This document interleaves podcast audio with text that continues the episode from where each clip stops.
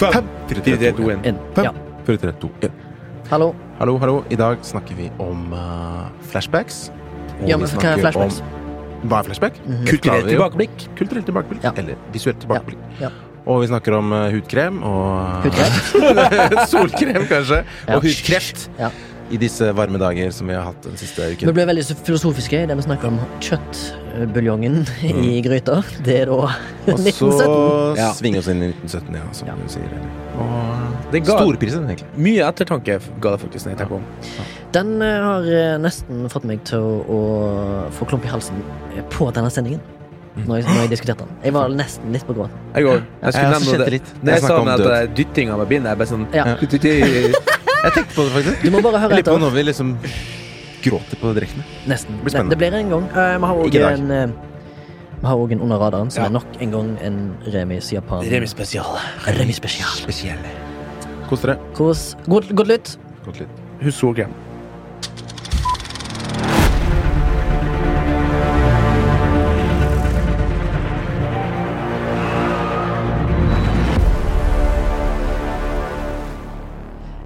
Har jo vært inne. Det er jo post dere kommenterte på det jeg la ut sånn. jeg, på, jeg kommenterte på Crossroads. Ja. Crossroads. Ida holdt på å dø. Ja, men jeg syns vi skal ta den! Ja, for, faen. For vi må ta dårlige filmer òg. Vi kan ikke Ja. bare highlighte det good. Jeg sier ikke at den er dårlig. Du, Jeg ikke, sier ikke at den er dårlig Jeg har ikke Jeg sier bare at han har 3,5 på IMDb, men jeg sier ikke at den er dårlig. 3,5. oh. Ja, men IMDb er jo bare fanboys.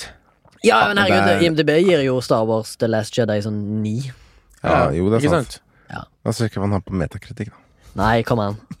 Men uansett, men, eh, jeg vil gjerne se den bare for å se hvordan den filmen er. Den er fra 2002, og har, jeg tror han har eh, Britney Spears i hovedrollen, men jeg kan ikke være sikker, for det kan hende de bare bruker hennes navn på coveret. For, Nei, nei, hun er med. hun er med, ja. Sånn som han eh, i Critical Decision. Jeg husker jeg var på den på kino. Hva er det? Jeg er så gammel. Hva er det? Ordre fra høyeste hold, hva het han da? Og så er han Steven Seagal med der, vet du. Og så Ja. dør han etter to minutter. Sånn Sånn sukk i salen. Så var det masse sånn kvinnfolk som røykte gikk. Seriøst? Han, var- han var clickbait på Altså 90-tallets clickbait på den filmen. For han var jo på fuckings framsida. Han var, tror han var fremst og der han Og så dør han. han, han er med i noen minutter. Han sa Det er en easy paycheck. eh, som bytta hovedkarakter, da. Funka ikke. Å oh, ja, vi er, vi er rolling. Ja, ja, ja. Kanskje har det. rolla i tre minutter. med. Ro ned høy, høyden på lyden på stemmen. Men i hvert fall, jeg Ja. 116. 116 Det jeg- følgere på IMDb. Det tror jeg kom av Cecilie sin Når hun spiller Ja. til alle, Ja, liksom. ja, ja. Madammen eh, Jeg tør ikke sånn. Hæ? Jeg tør ikke å dele Ja, men det det. er shameless. Hvorfor det? eh, Cecilie, vet du. Og så unfolder jeg masse Hvorfor skal det skje? greier som jeg Det er på fotballstadion. Nei, det er ikke interessert i. ja. Men ja, det er Man Ja, ja, burde men, egentlig gjøre det. eh, men nå har vi egentlig snakket om det på lufta, håper jeg, hvis dette her kommer med. At vi skal se Crossroads, og så skal vi analysere den i en Heroes Journey. Ja, men herregud, jeg men, det. Ja, Ja, vi må gjøre det. Highlight the good, highlight the bad. Ja. Da er det bestemt. Det kom jo altså et kult spørsmål fra en fyr som hadde lyst til å se At vi skulle se Eller analysere Flåklypa. Jeg er med. Hva het han? Uh, Willison, tror jeg. Nei, men um, det var bare Jeg satte tenkte på det, faktisk. Det var litt sånn kjedelig at det ikke kom flere spørsmål, men uh, folk er jo kule. Vi har fått veldig mye spørsmål fra han Magnus. Magnus Mm. og Maria. Maria, Mm. men ikke så mye ellers. Men, Og så eh, han Jo Sigurd eh, sa jo at eh, vi skulle analysere tegneserier. Det er litt eh, Se på, Snakk om tegneserier. det kan. Tegneserien hans. Ja, hans. Men Og også skjelett, ja. tror jeg. Jeg har jo et par. Jeg har jo til og med hatt noen eh, flashbacks om noen tegneserier jeg har kjøpt ganske nylig, som jeg likte. Eh, så det er jo kult. Det er jo et medium som er sikkert veldig lite snakket om. Og så er det veldig fysisk, selv om det finnes mye på nett. Og det er litt av paradoks i og med at 90% av alle kinofilmene de siste fem årene har kommet fra tegneserier. Det det er litt rart at de Altså i hvert fall de er blockbusterne. i hvert fall. Jo, ja, men hvis du går innom eh, butikker som eh, Hva heter det? Outland, så har de nå Tronsmo òg, shout-out. Ja, De er faktisk Tronsmo, bedre. selvfølgelig. Eh, men nå har de sånn, iallfall på Outland, og så har de egne seksjoner med bare DC og Marvel-ting. Ja. Sånn at det, liksom, det er vekke, og så har de egne huller med sånn tegneserier fra A til X, holdt på å si. Mm. A til Å. Og det er norske tegneserier der òg. Kult. Blant annet den der Kruger og et eller annet. Vet du hva jeg mener? Ja, Krugen Krog, ja. Ja. Det er ikke helt noe. Ja, det har de Det er visstnok veldig Herregud, det er populært. kult. Ja, det Ja. er veldig bra. Det har jeg kjøpt. Jeg må, det er lenge siden jeg har lest tegneserier. ass. Og så skal vi, siden Magnus og men snakket om Magnus Og sabotør til han Jon Sigvard. er der. Han har sabotør, Sabotør, ja. og eh, det sjakkmysteriet med han mys, Mysteriet. Mysteriet. Mysteriet med han eh, Magnus Carlsen i hovedrollen. Oi. Som etterforsker. Jaså. Det er litt spennende. Kult. Men jeg skal inn på Magnus sendte en mail. Han, har, han hadde jo masse filmer han hadde lyst til at vi skulle ta, gå gjennom. Mm. Han snakket jo om blant annet Antihero Heroes Journey-filmer, og så snakket han om en, noe sånt eh, han sjøl mente var ganske godt skrevet. Det var The Rider. Wrestler, The Rider og Shame. Og vi snakket litt off, meg og deg, bare om å ta The Rider. få prøve å få sett The Rider, som Ja. er på Netflix. Ja. Være på et eller annet i, i framtida. Men vi har jo snakka om uh, Castaway from the Moon, så han tipsa i samme mening, tror jeg. Det er Wilhelm. Ja, Wilhelm! Ja, det er til fyr som sendte spørsmål. Tre stykker, da. Wilhelm fra Haugesund. Kanskje ikke jeg er for godt nok med. Jeg står med navn. Jeg tror bare én fyr som sendte inn. Ja, Nei, skifte navn. Hvis du har noen spørsmål som du hører på nå, så send oss inn. Vi etterlyser litt spørsmål. Vi Ja. har lyst til å ha, få inn noen mail. Send på flashback at soundtank.no. Flashback at soundtank.no. Ja. Du kan også sende det på Insta. Insta. Eller Facebook. Eller Facebook. Mest, jeg er mest på Insta. Ikke send meg en melding på tekst. Kom, vi kan snakke om Nei, vi kan, vi kan det. Eh, Da begynner jeg flashbacken i dag. Ja, velkommen til Flashback. Ja. Thank you, Thorn. En podkast om uh, film og sånn. ja. Mitt navn er Baba fra Oslo. Mitt navn er Remi fra Haugesund. Morten fra skogen utfor Rana. Eller i Rana kommune. i Rana kommune. Utfor Moi i Rana. Vær så god. Bindvalsdalen, kaller vi det. Hva er en flashback, Morten? Før, altså Jeg har sjekka sånn gamle kart nå. At Før så het det det, Det liksom Det er Bjørndalen, men det het Bjynvassdalen med to s-er og to n-er på folkemunne. En flashback er jo da et tilbake Et kulturelt tilbakeblikk, som jeg har valgt å kalle det. Eh, der vi liksom uh, nevner opp ting vi har sett, hørt eller følt. Det kan være seg lama, besøk på lamafarm. det kan være seg bok Ja, der, der får du rett. Ja, ja, den skal du få resten av livet. musikk eller teater eller TV-serier. performance art. Bøker Or museum or something. og musikk. Mjeps. Ja. Eh, det har vært faktisk ganske innholdsrik uh, Her er faktisk ganske innholdsrik flashback. Forutenom uh, 1917, som vi tror vi skal komme tilbake til, hvis ikke tar helt feil, Jo. så har jeg sett uh, Jeg og madammen så bencha faktisk nye sesongen til uh, Re Rebekka Martinsson. Åh, er, Maskineri. nei, som er basert på uh, Maskineriet tok jo sist gang. Ja. Men her er liksom en serie om en svensk politietterforsker her som er litt sånn rufsete i kantene, sånn her, som kommer fra Stureplanen og så opp til uh, Hva heter det, sa du? Rebekka Martinsson. Det heter Rebekka Martinsson? Ja. Martinsson? Ah. For det er en, eh, egentlig basert på bøker, selvfølgelig. Litt sånn, Ai, litt sånn ai, Harry. Hole. Aha. Det er Sveriges Harry Hole. Ja. Og så flytter hun opp til Hun flytter hjem da i huset til bestemora si opp i Kiruna, den her gruvebyen. Kiruna. Og det er, det er skikkelig sånn Det er litt jeg skal ikke si at det er True Detective, men det er skikkelig sånn dirty, gritty shit, ass. Kult. Uh, første sesongen Jeg fikk jo nesten litt sånn crush på henne. Og så spilte Rebekka Martinsen, så jeg bare sånn foreslo Cecilie Kanskje vi skal se en ny sesong på Rebekka Martinsen? og til mitt sjokk, da! Så var det en ny ei.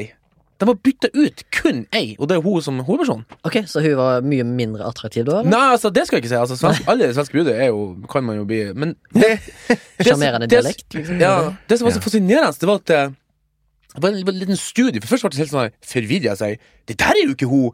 Og så sier sånn «Øh, øh, Ikke hun samme liksom. Jeg tenkte, «Jeg- jeg- jeg- jeg- jeg- Det var ikke det jeg mente. ikke sant For det som var så rart, at eh, det tok jo et par millisekunder For jeg er ikke så god på navn. Jeg ble god på ansikt. tok jo noen millisekunder før jeg liksom jeg registrerte at Og det er hun som er hun Rebekka Martinsson. ikke sant og så, men så hadde hun helt annet utseende og mimikk og liksom eh, framtoning. da Så hun ble liksom ifra hun ble liksom den litt sånn her nesten girl with a dragon tattoo, som var forrige sesongen, så ble hun enda mer sånn litt sånn ydmyk og enda litt mer sånn sårbar, hvis det er lov å si. Og sånn, hun hadde en helt annen måte på å takle situasjoner på. da Så med andre ord, du prøver å si at hun er en relaterbar karakter, og kan vise liksom at hun har flås? Nei, ja si? Altså, begge har det. Det var, Ja. ikke det. Jeg syns det er en ganske bra serie, derfor vi så sesong to. Men det, sånn, det ble helt karakteren ble annerledes. Det var så fascinerende å se at liksom, skuespilleren hadde så mye å Stor range, liksom. Ja, men altså, nei, men at det er jo en ny skuespiller. Ah, ja. Så det ble en helt annen karakter ho, karakteren Rebecca Martin var annerledes med den nye skuespilleren. Hva, si. tror du det, hva tror du det kommer av, da? At det Nei, er at liksom hun ny, har- manus, ny regi? Nei, hun, hun har sikkert en annen måte å være på. I, Ja. det, det er jo ikke sånn at liksom alle folk klarer å kopiere Det er ikke som. Shakespeare, det er sånn egen tolkning. Ikke sant? Ja. Men eh, det ble ikke. Det ble litt forvirrende første episoden. For jeg, å, det er hun, liksom, bla, bla, bla. Og så Men var det noen grunn til at de bytta? Nei, det har ikke jeg studert i. Hvor har du sett dette vidunderet?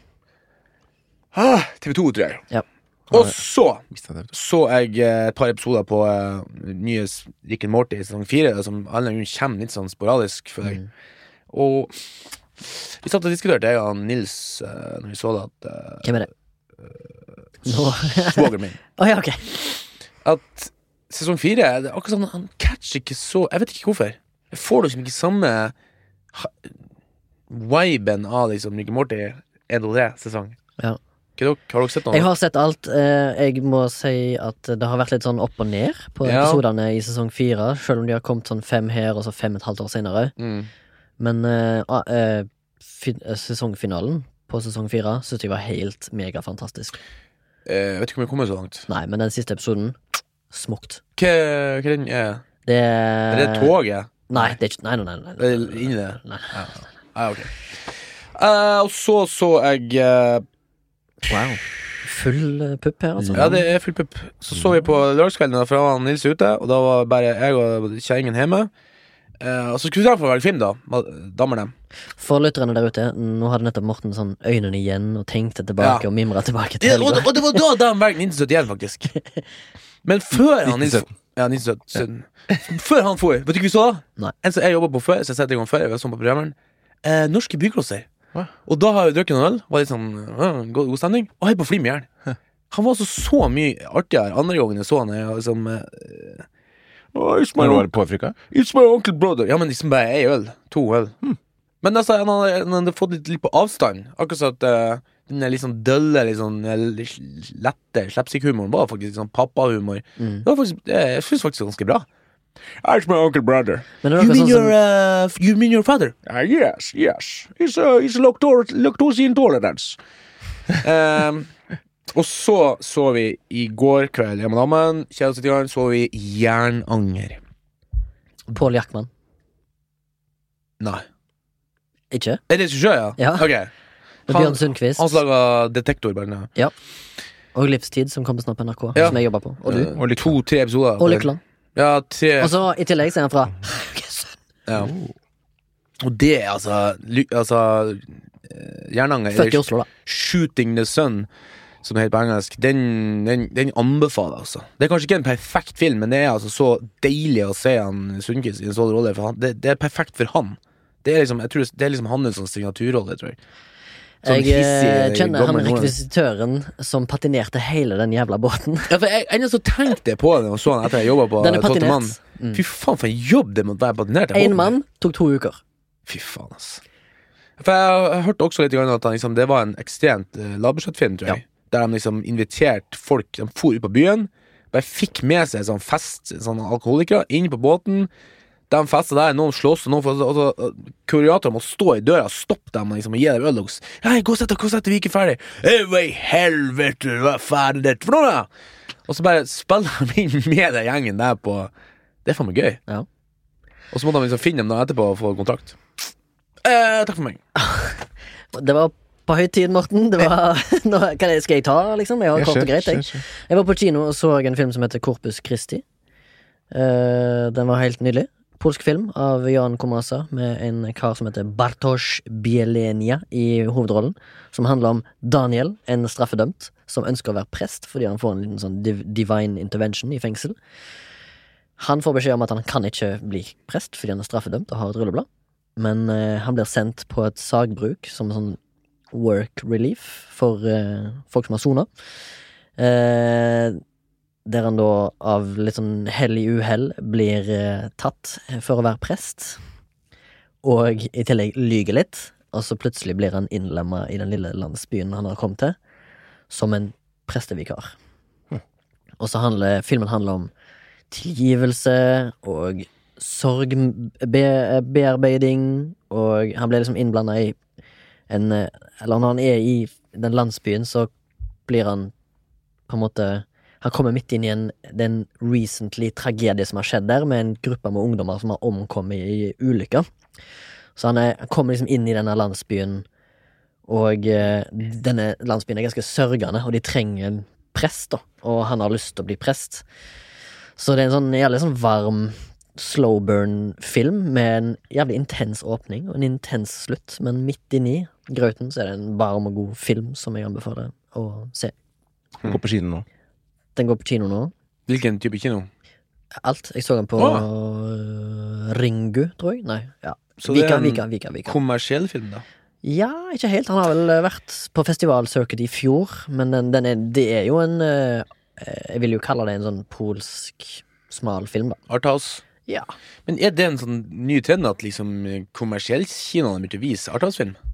Jeg vil si det Altså, det, det spørs. Det var jo kanskje fire stykker i salen da på Vika 2, liksom, som Jo, jo. har 100. Men han blir jo visst, da, i hvert fall. Ja. Hvordan var retningslinjene liksom rundt Å ja, det var annenhver rad er liksom eh, avgrensa, og så skal det være to eller tre seter mellom hvert par med, u, med Hva heter det? Ut, utenom hvis det er liksom folk fra samme husholdning, så kan du ha liksom ha fire eller seks, da. Eh, men uansett, det var digg å gå på kino igjen. Jeg har eh, vært på to kinofilmer siden de åpna. mm. Skal mer. Mye mer. Eh, det syns jeg er gøy uansett. Anbefaler iallfall Corpus Christi, polsk drama. Nice. Får jeg ta noe litt mer mainstream, da, kanskje? Nei, jeg binga, nesten binga, jeg og Ida, det derre Jeffrey Epstein-dokumentaren som ligger på Netflix nå. I Filthy Rich. fire episoder. Ja, Filthy Rich. Så den får dårlige karakterer rundt omkring. Ja, jeg skjønner liksom litt hvorfor, da, for den Den er veldig one-sided. Ja, men uh, jeg syns ikke det var liksom det mest negative. For den tar jo for seg disse en del kvinner da som uh, måtte Ja, ha det er blitt sørgelige greier. Altså. Jeg så første episode. Det er faen meg brutal shit. Hvor de forteller om hva som har skjedd, og hva de har gjort, og måten han liksom har hatt det her systemet, da, med rekruttering av flere jenter, og at han betalte de sånn og sånn, liksom. Han skulle ha en Han betalte jenter inn for å få massasje, da, og så var det alltid liksom noe seksuelt inkludert, og så lurte han de inn. Og hvis de ikke ville, for eksempel, eller på en eller annen måte liksom sa nei, eller hvis de var velvillige eller et eller annet, at det var sånn ok, men du kan her får du 200 dollar for massasjen. Hvis ikke du vil gjøre noe mer, så kan du få 200 dollar hvis du skaffer meg en ny jente. da Så helt sånn der kvalmt liksom hvordan han styrte med de greiene der. Og hadde en dame som jeg ikke har hørt om før, hun er Ghislaine Maxwell, som liksom var hans kjæreste. da Utad, i hvert fall. Basically pimpen. Ja, for hun også var med på det, da. Men hun har jo gått helt under radaren eh, i media, nesten sånn i etter, etter alt Slipper litt unna, føler jeg. Ja, nå er hun Ingen veit hvor hun er. Og Nei. er bare helt, helt borte, da. Og nekter for alt, ikke sant. Ja. Men du ser jo Dokumentaren viser jo bilder av henne med Epstein og alle de andre, og så det er sånn Mm. Du bare lyver i åpent dagslys. Det er sjukt. Og flere av de, da. Prins Andrew og liksom Ja. Men selvfølgelig, det er one-sided, som du sier, og så vet du ikke Men det, det er ganske overbevisende. Det er vanskelig å bevise hans side. Eller på en måte egentlig vanskelig å bevise begge sider, fordi det er ganske anekdotisk, bortsett fra veldig konkrete ting, da. Mm. Sånn som øya hans, som er litt weird, og faktisk jo at han ble dømt en gang. Men det er jo flere som jobber på EA, for eksempel, som har sagt at de så De har sett groping, nakne menn og jenter, liksom. Ja. Og, så det er jo flere føler, det er ingen tvil. Nei, det er jo ingen tvil. Nei. Og de fant jo når de raida huset hans når han ble fengsla i 2017. Det var liksom andre gang, da, i 2008, det en sånn plea deal, som også var sånn kjøpt og betalt. Fars av en sak. Og så, da fant de jo masse barneporno på harddisken og alt sammen, og bla, bla. Men grunnen til at jeg tror den har fått litt dårlig, er fordi den gikk noe mer Den gir liksom mer spørsmål enn svar, da. Du, du føler at du liksom bare. Nei, og det òg, da. Der var det en eh, rettsmedisiner som eh, Den eneste liksom, konspirasjonsgreia var at uh, det var en rettsmedisiner som sa at det var sånn rart bein bak tunga eller noe sånt, som ikke kunne brekke på den måten. Hvis han hadde liksom hengt seg sånn uh, inntil senga, da, som uh, Det var sånn de fant han. Mm. At det var helt Det er veldig ekstremt sjelden, sa han, at det skjer. Så antydet at noen må ha hjulpet han eller et eller annet, da. Men de sa mer om at liksom det fengselet han var på, var helt sånn derre Jalla. Ja, veldig jalla. Folk liksom Var sånn ikke flinke politifolk som jobba der. Det var liksom shabby. Folk som bare ga faen, sov på jobb og sånt. Så jeg synes det er veldig rart at han ble sendt dit da. Det er bare sånn, ja. Det var jo for han skulle få tida til Men jeg syns jo Jeg vil jo gjerne vite mer om de andre, for det er jo tydeligvis mange flere som har Men involvert. du dem, så er det jo en prins Albert som eventuelt har fått han Ja, jeg ble, eh, jeg syns det var urovekkende lite om Clintons relasjon til Epstein. Ja. Som Eller jeg, jeg, jeg har jo bare hørt folk Jeg har ikke lagt meg inn i saken, men jeg så bare én episode. Og så syntes jeg det var litt, litt for lite Clinton-ties. Men så fant jeg ut at hun som har laga dokumentarserien, har jo jobba i Clinton-administrasjonen som sånn pressegreier. Så det er litt sånn mm, ok Why? Hun har jobba som sånn eh, mediekoordinator for Clinton-administrasjonen eller noe sånt. Oh. På 90-tallet eller et eller annet. Why? Altså, I Norge så går jo politikerne inn og ut av First House. Ja, De ser jo på de ser jo det her professorene at det er helt eh, sinnssykt. For de får inn på First House, så får de en kundekrets der. Hva mener du First House? Det her er reklame, PR, eh, ja. Går de inn der, så får de en sånn kundebank, ikke sant. Og så går de tilbake til politiker. Og så har de jo med, de har jo fortsatt de der kundene. De er jo sånn på en måte med, eh, Det er jo selvfølgelig en konspirasjonsteori, men så, Hvis du har vært inni der hatt liksom kunder som Og så går du inn som for eksempel eh, minister for justering og sånn litt lort. Det ikke helt alt det der. Nei. Og så bare sier jeg sånn Ja Bilbransjen burde få litt skattelette nå, det er på tide, liksom. Så har du 50 kunder der fra, fra, fra First ikke sant. Som jobber med De brukte jo lang tid på å få ut uh, kundelista til hun, eh, for eksempel hun Listhaug, når hun gikk fra First House og inn i politikken. Det er kanskje noe lignende her, da. Men uansett, det er jo Det kan jo være at hun øh, Vi kjøper, Ja, jo, vi man- kjøper jo ting blindt. Man kjører hardt på Epstein fordi han er død, og det er liksom Man tør kanskje kan ikke gjøre. Ta noen andre. Ja. Men jeg synes det, ja, det hadde vært mye mer graverende. Så det liksom, jeg føler denne her filthy rich Jeffrey Epstein blir litt sånn som uh, den derre Finding Neverland og litt sånn R. Kelly-greiene. At han blir veldig one-sided og anekdotisk. Ja. At folk bare forteller at de har blitt Og det kan være litt sånn eh, Og det er jo fint at de på en måte. får øh, Jeg syns jo det best at liksom. sånne historier blir, blir fortalt fra ofrene sin side. Og det har de gjort greit. Men jeg syns likevel at de burde faen meg fått folk til å brenne litt mer. Ja, jeg bare lar ting ikke skje. Ja, egentlig er for, sånn at the filthy rich ikke blir tatt. Ja. Det blir øh, er opprør. Men det er verdt, verdt å titte på. Det er ganske kort. Ja. Morten, Opplysningskontoret for kjøtt og fisk. Kamera, lights, action! Mortens folkeopplysning! Jeg eh, Artisjokk, tjokk, tjokk, artisjokk, tjokk, tjokk. Jeg fant en film som heter Artisjokk. Det her gangen så bare lyst til å eh, litt sånn uh, Minne folk på en ting. At nå er det liksom kommet sol. Og liksom i uh, min memory of svigerfaren min som døde av hudkreft for et par år, tre-fire år siden. Så jeg har lyst til å bare minne på folk at de må huske å smøre seg mot sola. Tenkte jeg skulle bare Jeg har sittet og se- sett litt på sånne her fun facts om eh, sånn eh, soling og sånn. For at det er jo en eh, Dette her er, dette her er Mortens alpakka farmas. Eh, hæ? Lama, Det, dette er din versjon av alpakka-lama-farmen til Baba den gangen. På grunn av at Du skal, du skal frem til Folkeopplysningen er basert på at folk må smøre seg. Det er, det er, men, det er eh, en det- ordentlig folkeopplysning. Det kommer Ja, det er faktisk det. Ja, men hold noen snavler på dere. Ja, men det er bra. Kjør på. Det er gøy. Ballhonke som vi kaller det. Ballhånke. Ballonk. Eh, det- jeg skal bare lese opp en myte her.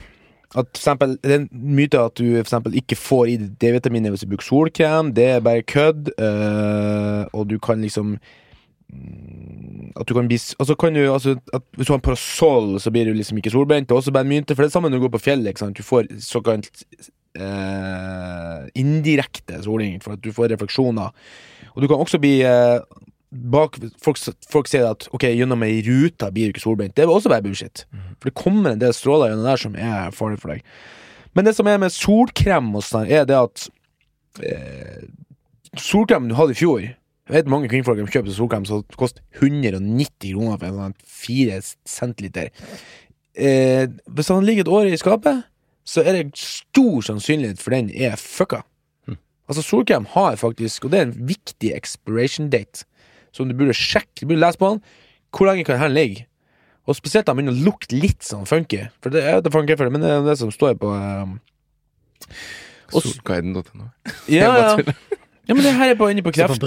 Kreftforeninga. Jeg er jo med i Kreftforeninga. Det er, bare, de er ikke så gale. Det er 400 kroner året. så er det- Represent. Represent. Og så er det sånn at uh, solfaktor 30 beskytter liksom dobbelt så godt som solfaktor 15. Det er faktisk en myte. Han, altså, sol, Solfakt... Hva da? eh, solfaktor 30 beskytter dobbelt så godt som solfaktor 15. Det er ikke, faktisk ikke sant. Okay. Men dess mildere faktor, dess mer må du liksom kline på. Sånn at hvis du smører deg for dårlig med solfaktor 15, for eksempel, så du bare ha en fjerdedel For du skal faktisk ha Altså Hvis du har sett på dem som proffene de smør, og viser hvor mye du skal smøre, for eksempel 15 Det er sånn, Du skal faktisk se belegget hvis du skal fylle eh, makaroni på Jeg har, jeg har et spørsmål. Hvem er de proffe? Eh, hud, eh, hudologer. Hudle hudlege, Det Ja, hudleger og eh, Og ja, sånn, ja. Jeg trodde det var liksom sånn proffe Brun og blid. Brun sånn. blid-modeller. Bloggere, for faen! Du mener Eh, og dermatologer, hvis du da? bruker for eksempel bare 15 Hvis du har solfaktor 15 og smør bare en fjerdedel av det du burde ha, så, så har du faktisk bare faktor 2. For det er liksom tjukkelsen på den Altså det er sånn her Jeg så faktisk på TV2 Hjelper deg en viss sånn her hvor mye krem du skulle ha, og det er liksom det faktoren Faktoren avgjør bare hvor mye krem du må ha for å få rette faktoren. Så det er Ja. Jeg er faktisk litt bekymra over eh, samboerens syn i solvannet. Det er litt mye. Og så er det sånn at eh, mørkere hud eh, har mer faktor i seg. Så du er, du, du er Da ble jeg kjempeglad! Der må Sondre få ned spiken. Nei, men eh, jeg lå jo på stranda i forgårs, gårs, og da Ida hadde Vi, har bruk, vi brukte opp mesteparten i Thailand, så hun hadde den 15, da. Og jeg ble sånn Faen, hvorfor kjøper du 15, liksom? For jeg føler at det ikke hjelper. Det er liksom bare sånn Jeg føler det. Hvorfor eksisterer 15, liksom? Men det er fordi at 15 og ned var som jeg filosoferte på da jeg gikk hit. Vet du ikke det er for noe? Det, Det er hudkrem. Ja. Altså, og, uh, Cecilie Oi, bruker hudkrem Jeg bruker jo sånn solfaktor sånn, De har jo sånn hudkrem, altså faktor 3 i og sånn her. Det er bare tull. Det er bare sånn som de skriver på. Det er samme som at det står aloe vera på alt. Og nå plutselig står det alt økologisk. Ikke sant? Så jeg, jeg spenner munnen av sekken med kunstgjødsel. Liksom. Så jeg, økologisk, kjempebra. Aloe vera, bare kline på Det er jo faen meg aloe vera alltid en stund på 90-tallet. Nei, 2000-tallet var jo alltid aloe. Ja, for jeg syns det Dritt. i hvert fall virker ganske tåpelig å kjøpe solfaktor 15. Ikke, kjøp 30, sant? Ja. Og det er og så er det sånn solfaktor 50 av sånn blokade. Sant? Det, det Nå husker jeg ikke om det var ikke om det. Jeg dryller 50 på mine inked arms. Det er altså det er ikke noe ga, altså, Det er høyere altså, Det er også en myte, det står faktisk ikke her, da men det har jeg også lest en plass, at liksom At folk sier Men de blir ikke brune Jo. faktor! Det er bare tull! Ja. Du blir brun. Ja. Og så har jeg også lest en annen plass at blir du brun, så er faktisk det en form for, for, hud, for en skade. ja, jeg hørte det. Pigmenter i kroppen. Ja. Så uh, Ja, det, jeg skjønner ikke helt hvorfor uh, nordmenn her oppe er så Bad son, bli- motherfucker! Ja, er du hypp på å bli hudskada? Er du med eller? Ja, Altså, nå skal du er ikke, så- jeg skal ikke legge under en stol at sol er bra for deg, da. Jo, jo, jo, men det er sånn Det er eh, sant. Men jeg tror ikke den, den eh, Og du den, ser mye friskere ut når du har fått sol, Ja, men den og du blir mye friskere, for du får jo Men det er jo sånn det står her at, det står at du får ikke mer D-vitaminer av å ligge lenger i sola. Nei, nei, nei, nei. Altså Hudlegene sier det at gå ut i sola uten eh, solkrem. Ti minutter. Hvis hun ikke er sånn fitte sterk. Sju minutter. Kvarter, eh, ti minutter kvarter. Ja. Og da er du, og dessuten så må du ikke ha hele kroppen heller. Og du blir også, får også D-vitaminer gjennom klærne, men klærne også beskytter faktisk mot UV-stråling. Så eh, sånn som morgenen nå Og det er jo og, uh, morsan. Holdt faen, nå holdt på å si morsan. Cecilie, altså samboeren, da. Hun maser på meg hver dag. Smør deg på ørene naken. Og det gjør jeg. Ta liksom her naken her. Og så har jeg kjøpt meg en sånn solkrem som blir tørr med en gang, for jeg hater det sånn klissete. I naken. Oppå ørene, nesen, sånn, Jeg skulle kanskje hatt bare med deg, men jeg gjør ikke det. Burde hatt det. Uh, Men eh, det, det er uh, en kompis av meg som eh, spilte golf. Han fikk kreft. Armene. For han brukte ikke solkrem. Og sånn, ja, ja, går bra. Og det er jo hud, altså, f- føflekkreft da, som er den absolutt farligste. Det, altså, det, det, det er faktisk den som er farligst. Og det, liksom, hans svigerfar, jeg tror det tok et par måneder. Det var helt forferdelig. Ja, Det er mange kjipt. andre typer da som ikke er så gærne, men liksom eh, vi er jo på topp i nå, Jeg skulle finne det òg, men jeg glemte det bort. Uh, I Norge spesielt. Vi er skikkelig, skikkelig høyt på den der hudkrefttoppen i uh, verden. Og det tror jeg er litt sånn, for at her oppe har vi sol 14 dager. Ja. Og de 14 dagene så ligger alle sammen Og vil bli brune og se friske ut og blide og Hashtag Brune blid. Jeg merker jo det jeg òg når jeg går ut i sola, at jeg blir mye mer gladere og lystigere. Ja, deilig med sol. Deilig sol, og deilig å se alle andre nyte sola òg. Og solarium er i hvert fall ikke bra. Det skulle egentlig bare vært forbud, forbud mot. Jeg har fått eh, anbefalt av min lekare på vinterstid, altså bare sånn én eller to ganger i måneden. Lege? Ja. What? Ja, Hvorfor tar du ikke bare heller bare omega-3? eh, jeg vet ikke. Jeg stoler blindt på leger, tydeligvis. Det gjør han bare òg. Nei! Man har jo lege! Uh, nei, men jeg bare, det var bare min forrige lege sa det. Sånn, det altså, hvis, helt eh, optimalt da, for, for min hud, siden jeg har hatt masse sånn hudproblemer da jeg vokste opp. Man Ja, er iser og faenskap. Så sa han saltvann og sol er jo ganske optimalt, men det, sa han, det får du jo ikke hele året. Så få Ja, det men, samme psoriasis Folk får jo faktisk dekka helsereise til liksom Ja, ja, min eh, onkel tror jeg har det. Og mange venner av meg ikke har det. Når jeg gikk på Universitetet i Oslo og studerte Da- biologi og fysikk og kjemi, Når jeg var smart, så hadde Da vi en var smart. solforsker innom. Sånn skikkelig fjuling, sånn gammel eh, Mm. Han har sikkert studert sola i mange år, da. Og han sa, og det kommer jeg til aldri til å glemme, liksom, at den sola vi, vi har bare en D-vitaminsol ganske liten del av året i Norge, da. Ja. Ehm, for på vinteren, når det mellom sola titter fram mellom ti og tre, så er det ikke noe nok, da. Den, Alle måneder med R. Dyr, dyr. Ja, det har du kanskje rett i. Og han sa liksom i de vintermånedene så ta liksom tre skjeer med tran, da. For å få Du trenger såpass mye, da, D-vitamin, vi har oppe. Ja til og med allmennleger nå har innrømt det at liksom, vi må ha mer enn det som liksom, var anbefalt fram til liksom, 90-tallet. Mm. For da var det jo sånn her, så og så mange sånn milligram eller mye, eller hva heter for noe. Og nå er jo sånn, nå får du jo sånne tabletter som heter sånn 1000% Og det er på grunn av at det er de gamle tallene. Men Men, men. da Nå er må, vi, med nå må vi styre under denne praten. Nå må vi komme til juicen her. Sol. Nå har faen meg snakket så mye og masse eh, rabbel. Så nå er det på tide at vi kommer inn i kjøttet på episoden her. Ja. Vi har alle klart å se en film for en jævla gangs skyld, nesten samtidig. Mm. Jepp. Det vi skal snakke om i dag, i hovedtemaet, er eh, 1917, da. Ja. Som jeg hadde jeg vel kanskje som en flashback for noen Mm. episoder tilbake. Skrøt veldig høyt. episode, faktisk. Men den er absolutt verdt å diskutere litt mer i detalj. Mm. Skal jeg ta litt uh, eh, Ja. info? Kjør. Kjør. Det er da en film som er hovedsakelig britisk, av uh, regissør Sam Mendes, som kanskje folk kjenner igjen fra Skyfall, eller har laga American Beauty. Nei, det har han ikke. Jo, det har han. jo. Eh, og den er da skrevet av han sjøl. Hans første writing credit. Er det? Eh, ja, fordi han hadde uttrykt at han hadde lyst til å lage en krigsfilm, men han hadde ikke noe gode manus som han likte, som han hadde på bordet, liksom. Og så kom vel samarbeidspartneren hans, eh, Christy Wilson Cairns, eller hva det heter. Hun som har skrevet, han som har skrevet sammen med Hun som har skrevet sammen med han. Og så sa han Sa hun Du kan jo skrive en sjøl. Hmm. Og så sa han ja, det kan jeg gjøre, og så kan han basere det på da sin bestefar sine memoarer fra krigen, for han hadde en bestefar som da altså, heter Alfred Mendes, som da var i krig. For det sto på slutten 'As told by Alfred Mendes'. Ja.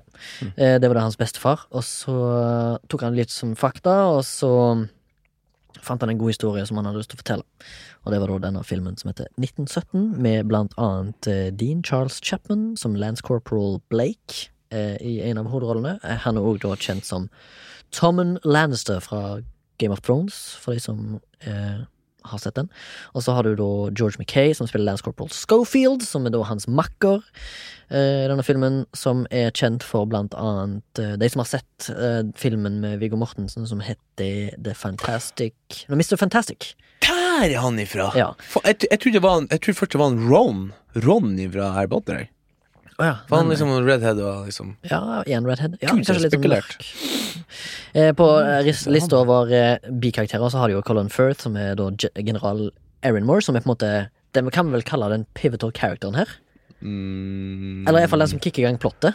Ja Nei Eller kicker de sjøl i gang plottet. jeg, jeg tenkte, Stemmer det. Jeg tenkte på denne så den jeg, tenkte, jeg, jeg tror egentlig det er uh, Se på rollelista, som du nettopp snakka om. Anyways, Du, du, jeg kan nevne flere. Det, det er Andrew Scott spiller da Lieutenant Leslie, som òg uh, har en liten rolle der. Og så har du jo Mark Strong, Captain Smith. Mm. Og så har du jo selvfølgelig han uh, ringereven sjøl fra Sherlock Holmes, som heter Benedict Cumberbatch. Som spiller da altså Du kan nesten se på det som filmen er en slags sånn eh, Colin Firth, er det den heter. Han gir på en måte missionet. Og missionet er å nå Benedict Cumberbatch. Så Mm. du kan se, Det er nesten litt sånn game. Det er et spill, liksom. Et krigsspill. Mm. Eh, plottet, Baba, hvis du skal forklare det. Hva trodde du gjorde det? Ja. Eh, plottet er altså, som du nettopp fortalte, at han eh, godeste eh, han? Blake. Lance Corporal Blike. Eh, Colin Firth, egentlig, som setter i gang eh, og sier at det er en annen bataljon Ja. Som eh, skal angripe tyskerne i morgen, Mm. men tyskerne står i bakhold.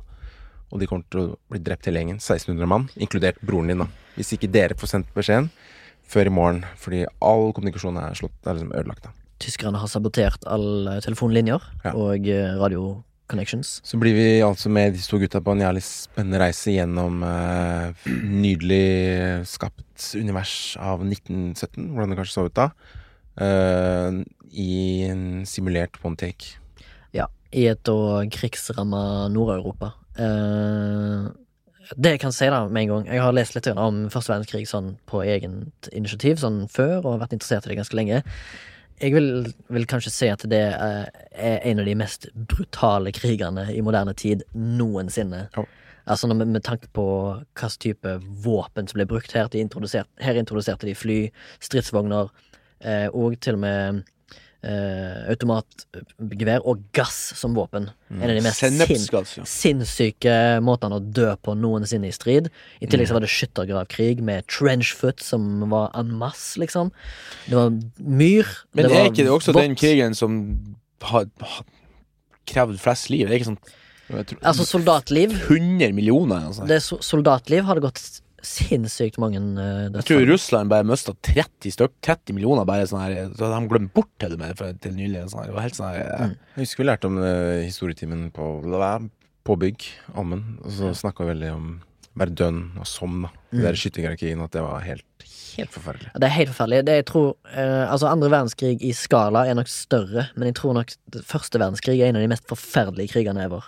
Men er, er, er andre verdenskrig større?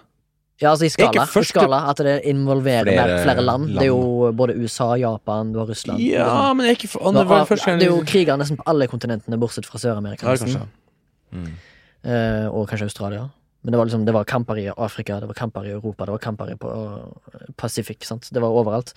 Men uh, denne her uh, krigen som blir sim altså, simulert i denne filmen, her er jo sånn De virkelig liksom sett Du blir liksom satt inn i et et, et liksom, Ja, hva skal jeg si? Et sant helvete, liksom. Mm. Nesten fra begynnelsen av, bortsett fra at det åpner med at de ligger og slapper av på ei eng, da. Mm. Men det blir fort sparka inn i historien. Uh, Idet de skal levere da et brev eller to via noen, er det ikke det? Du må liksom levere denne beskjeden til denne Jeg husker ikke hva de kalte bataljonen, da, men eh, Eh, Dev Devonshire, eller Devonshire. Devons. Devonshire. Så Devons. Devons, eh. World War 1 kommer faktisk på niendeplass i mest døde. Det er World War 2 som er den råeste. Ja. Og på to kommer Three Kingdoms, ja. som jeg aldri har hørt om. Nei, ikke heller. Men eh, uansett, eh, for å, å up- uppe stakesa litt her, og dramatikken, da, så har jo da selvfølgelig gir jo gen generalen, som er Colin Firth, han gir jo beskjed til Blake at eh, broren hans er jo i den bataljonen. Ja. Og det gir jo selvfølgelig den rollen et heftig mo motivasjon for å få dette her gjennomført, fordi at han redder ikke ba bare 1600 mann, han redder sin egen bror. Mm. Og det er jo high stakes, high drama alert, liksom. Ja, for jeg fikk faktisk litt sånn her eh, helt, helt ærlig, så fikk jeg litt sånn Mad Max-vibes av det her. Der liksom Jeg føler at historien De har liksom De har tenkt eh, Forenkla historien veldig mye. Mm. Lagt inn, som du sier, de enkle, effektive grepene for Ja. å få folk emosjonelt engasjert. Ja. Og så har han visst en jævla kul visuell greie, og liksom tatt liksom litt tilbake filmspråket. Mm. Og vis små, finurlige ting som skjer, som du blir jævlig engasjert av. Ja.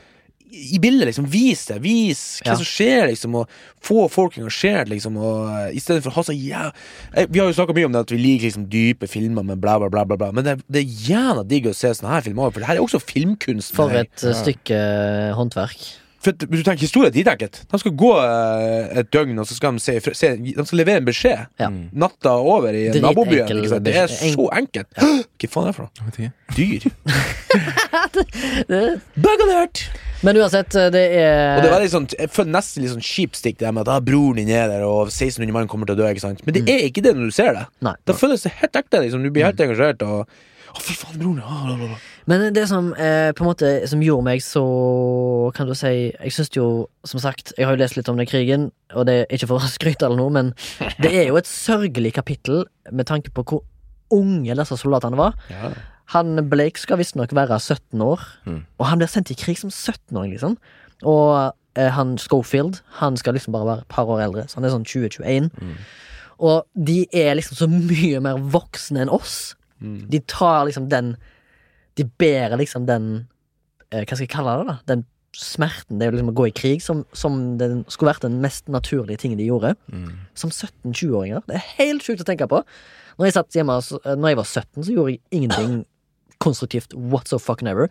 Disse mennene her, de, eller guttene, de ofra jo faen meg alt for eh, at noen satt på toppen og sa de skulle gjøre det og det og det. Ja, men det er jo Det er sånn type hendelser som gjør deg voksen, kan du si. Ja. Du, du, du bare ser på flyktningbarn i dag. Ja, ja. Altså tolvåringene som basically tar seg av eh, fire års gamle søstera si. Det er jo det er sånn situasjon Og det er jo andre verdens, andre verdenskrig òg, var det jo på slutten tyskerne sendte Det var jo 15-16-åringer de sendte ut i krig, liksom. Ja. Som egentlig bare lå og skrek i Og det syns de det fikk de litt dårlig fram. da, For jeg har sett andre filmer om første verdenskrig der du ser liksom at det her skjellsjokk Ja. At folk ligger sånn her Og så bare enten skriker eller flir i de skyttergravene. For at er som ser, du, De lå i månedsvis i skyttergravene, og det er Ja. kuler over hodet. ikke sant? Det var ingen plass å være. Gassangrep, artilleriangrep.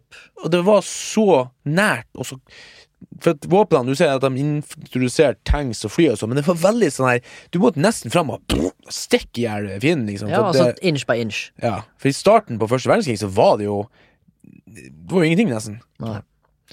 Men uh, uansett, det, det, det har de gjort, det må du si uh, når du ser denne filmen, hvis du skal se den. Uh, det, det Art Department har klart å lage her, Ja. er helt insanely fett.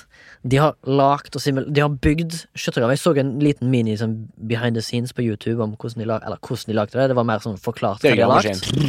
Ja, de har lagt gravemaskin, men, men de, de lagde en mile med skyttergraver til sammen. ja. En mile, liksom! Så sjukt mye sånn gjørmegreier. Ja. Mm.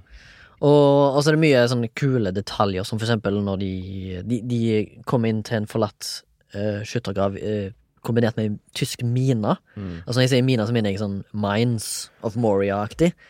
Så, Ja. går, så går de på disse her uh, plankene istedenfor å gå ut i sanda ved siden av. Og det, sånn der, det, det viser bare en sånn bitte liten detalj om at de er så De er så krigsmaskiner, da, de to gutta her, at de går bare på de anviste plassene som de har fått beskjed om. Fordi at hvis de tråkker utfor da, og får Mm. liksom våte føtter, så risikerer de å få trench foot. Og da får du jo gangrene, eller hva det heter, koldbrann. Mm. Og så må du amputere. Mm. Så det, det er liksom kule små detaljer som du viser, at de liksom viker ikke fra Ja, så liksom draktene og sånn, for som jeg sa med eh, damene jeg så på, liksom Se, på de klærne der! Det er noen som har sydd det der, liksom, og Ja. bla, bla, bla. Jeg satt og fortalte dem, liksom. For det, det, andre verdenskrig, det første verdenskrig, det er jo ikke noe som eksisterer etter det. Vi har ingenting av det. Vi har jo altså nå, eh, det her på den filmen jeg jobber nå, som er fra andre verdenskrig, der har vi jo bare bestilt opp ja, Mye av det er jo sydd, da. Men mye av de klærne der er jo sånn som du faktisk finner på loppis enda. Liksom. Eh, og i kjellere til uh, spesielle folk. Mm. Men det her er liksom Altså Tenk for en research å bare finne ut det kostymet, og hvordan de holdt på med ting. Og Så kult, ass. og så Ja. likeens så, så de har de der skoene der, så surrer de sånn bandar, eller en sånn, sånn remme oppover istedenfor en gamasj. Liksom, sånn. Ja. det, er bare, det er bare sånn Nesten som en bandasje de surrer. Ja, For de hadde vel bare knebukse på den tida. eller noe sånt ja, de, hadde sånn, de er litt sånn rare pants, ja. For det var ganske kult uh, den ene en- ja. scenen når, hun, når han går ned til hun dama som gjemmer seg i den nattbyen, holdt på å si. Ja. Så ser du han tar av seg det der eh, Alt det liksom, Gera Det gearet, da. Som er, Mm. det er jo lagd. Ja, Det er Gru. sikkert researcha til de Gru, ja. Grunnutrustning. Grunnutrustning. Gru? Gru? Gru, ja. Det er kult. Eh, Altså, Grøsse gru.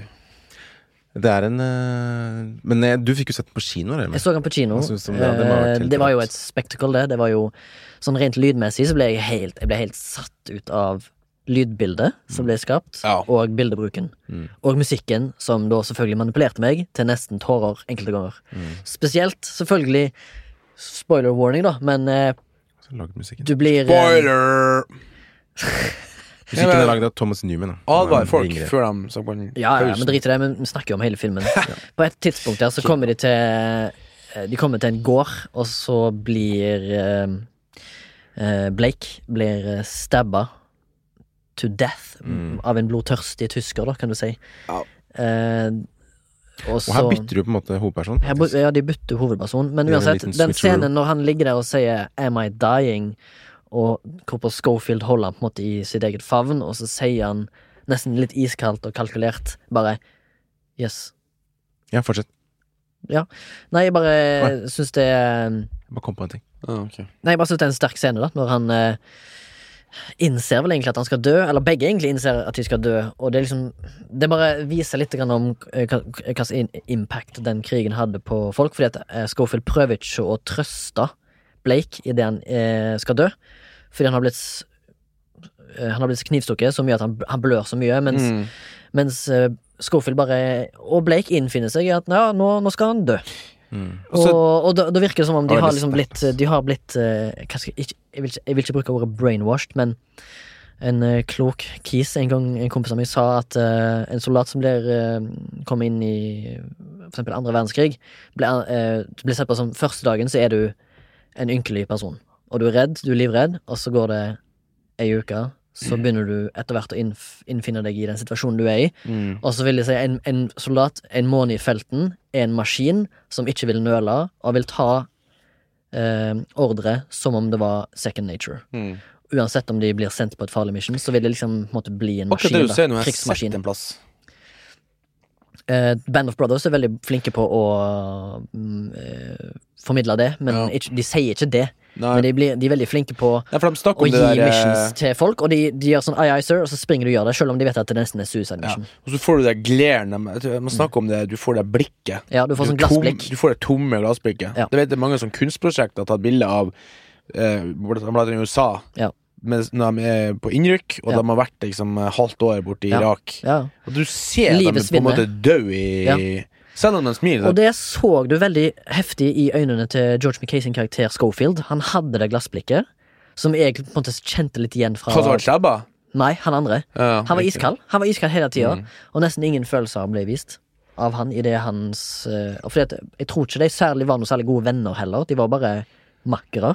Ja, det var det jeg likte med den filmen. At liksom du ble kjent med de underveis. da Og skal bare dra det tilbake til Pivotal, som du spurte om. Ja. Og Jeg tror denne scenen egentlig lander på The Ordeal. jeg. Jeg føler at det kanskje matcher rundt der. Når Blake blir stabba. Ja, når han dør. Mhm. Nå har jeg ikke analysert den, men jeg føler at det Jeg husker ikke hvor langt det er dit, men det føles som en Det er liksom det nest største som skjer, da. Ja, det vil jeg si. Eller kanskje det største som skjer. Men for da han får nesten litt sånn call to Ja, han får liksom et slags nytt kål. Men det jeg skulle si med Pivotal, da du, eh, Sånn her funker det for, i mitt hode, i hvert fall. Eh, han eh, Colin Firth sin karakter mm. er sånn første pivot som setter i gang. General Aaron Moore. Og da er jo eh, ikke George Mackay, men han andre. Ja. Eh, hovedpersonen. Chapman. Da, Ja. Det er det han vi relaterer til, for det er han som skal redde broren sin. ikke sant? mm. Og så ser vi deres reise, og så er de er ikke så gode venner, men de blir liksom mer og mer kjent, og de deler historier Ja, og Schofield er vel erfaringer. egentlig litt sur på at han dro Ja, han med Men Blake. er ikke, er ikke han egentlig pivotal? Blir ikke det her litt sånn som uh... Wait, wait, for, wait for it. Og så dør vår uh, hovedperson. Blake. Og så ser vi den forandringen i George Mackay. Det, det er en ganske lang periode hvor han ikke helt aksepterer døden av nå kompisen sin. da Ja. Og da blir George McKay-pivotal til Blake. For han følger jo nå på en måte hans kompisen sitt ønske om å få denne beskjeden fram. Det er det eneste som driver han resten av historien. Han kunne gitt opp. Ja, for det, nå har på en måte uh, Schofield, som Mm. da er igjen, han får enda mer motivasjon til å levere oppdraget, fordi nå har Blake ofra livet sitt Ja. for å gi den beskjeden. Så Ja. nå har på en måte Schofield, som først berata Blake for å dra han med på dette, Mm. mens Blake da Nå føler han at Blake unnskylder det med at han trodde det skulle være et easy mission, go fetch some food, men så ble det heller en ganske sånn Nesten en pivotal mission, da, Ja. for eh, krigens eh, Skjønner du hva jeg mener? Ikke helt enig. Du er ikke enig i det? Jeg mener at Blake er pivotal, for at han får uh, Det her blir akkurat samme som No Quality for Old Men, der vi følger uh, pivotalen i starten. Jeg er helt enig i at Blake er pivotal, men at han ikke blir det før han dør. Nei, men han er jo det er jo han som er Dere ser det jo nå sjøl. Det er jo han som er målretta. Han får ordren, og han er sånn Og så sier han eh, Schofield sier hele tida sånn her Er du sikker på vi skal gjøre det i dag? Kan vi ikke vente i morgen? Han driver og holder igjen, holder igjen. Han er nei, nei, vi må gjøre det nå! Han er kun han som liksom driver på i starten. Og etter det, han er til og med Han er jo faktisk pivotal etter at han dør! For da får han gi han sånt løfte. You have to do this! Og så bare sånn Yes, yes! Og sånn Schofield, han, han, han, han Det er han Han Blake seg. på en måte som setter i gang det her. For at jeg vil tro at han eh, Han uh, Generalen. generalen Han er med i incit, inciting incident. Ja. Ikke nødvendigvis pivotal. Ja. Han setter i gang. Ja. Men det er jo på grunn av han Blake at det her blir så viktig. Mm. For, for det, jeg syns det er jævla godt skrevet, for det er litt sånn at du, eh, her skiller de ikke mellom 1600 mann og én person. Nei. For vanligvis er det sånn du, må liksom velge mellom eh, Det, det er typisk sånn her eh, filosofisk paradoks, ikke sant? ja. Vil du ta livet av The Village-greiene. vil du redde bestevennen din eller broren din, eller vil eller vil du redde liksom 1600 mann? Er det Her skal du er- redde begge, liksom. Ja. Derfor så er det så ekstremt pivotal liksom, at han må gjøre det. ja. Er ikke det utilitarismen? For eksempel en village der det er to bakere, og så er det noen, en ytre force som tilsier at eh, en av dem blir ofra. Ja. Av alle villages, men det, i den byen, akkurat den byen der Så er det to bakere. Så vil jo på en måte For the greater good, da. Eller utilitarismen. eh, Ja. Så vil du ta han ene bakeren, Fordi at da kan resten av villagen bestå med én baker. ja, jeg har lest litt om det der. Det Ja. sånn, sånn, også det der Du sitter og du har en knapp, og så Mm. har du liksom en sånn trikkeskinne, og så har du ei, ei, en unge, og så har du 100 mann. Bla, bla, bla. Hvordan skal du liksom vurdere det der? Mm. Ja. Ja, du har Jo. Men Det er jo veldig kule konsept å, å utforske i manussammenheng. da, For at her er liksom Men her har han liksom gjort det effektivt. Han har kombinert dem, liksom, og på den måten så får du på en måte en unstopping force da i han Blake. Ja. Som må gjøre det. For at ikke bare broren, men liksom 16 mann og bla, bla, bla. Og det er jo han Schofield, protagonisten, for han forandrer seg jo. Han har jo også forandringer. Ja, han har veldig Blake er jo Blake er helt crazy ferdig. banan helt det, liksom. Mm. I tillegg så viser jo Blake litt grann tendenser til at han uh, har, Han har et jævlig godt hjerte. da Han Istedenfor å stabbe han tyskeren som styrter Ja, ja, ja. flyet, så har han lyst til å redde han.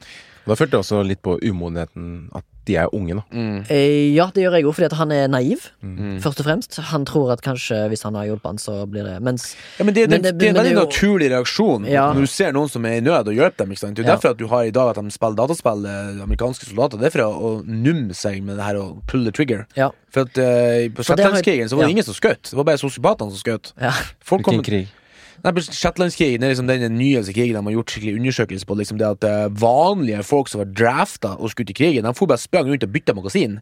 De fant jo masse tom, fulle magasin på battlefielden. Ikke sant? For at Shetlandskrigen? Tenker du på Falklandskrigen? Falklandskrigen, mente Ja. jeg. For jeg Går vil inn i har sånn vært der, krig eh, på Shetland? Nei, sorry, men Men går de inn i sånn derre Nei, du er livredd, altså. Ja. Du får fight or flight. Så du bare Så du, ah, du, får, du blir, du blir, blir gæren. Og så dem som De som drept Når de kom tilbake igjen, så havna jo halvparten av dem i fengsel, eller alle i fengsel, for de var jo fette gærne. Altså, du- de var latent til å liksom eh, være litt case bananer.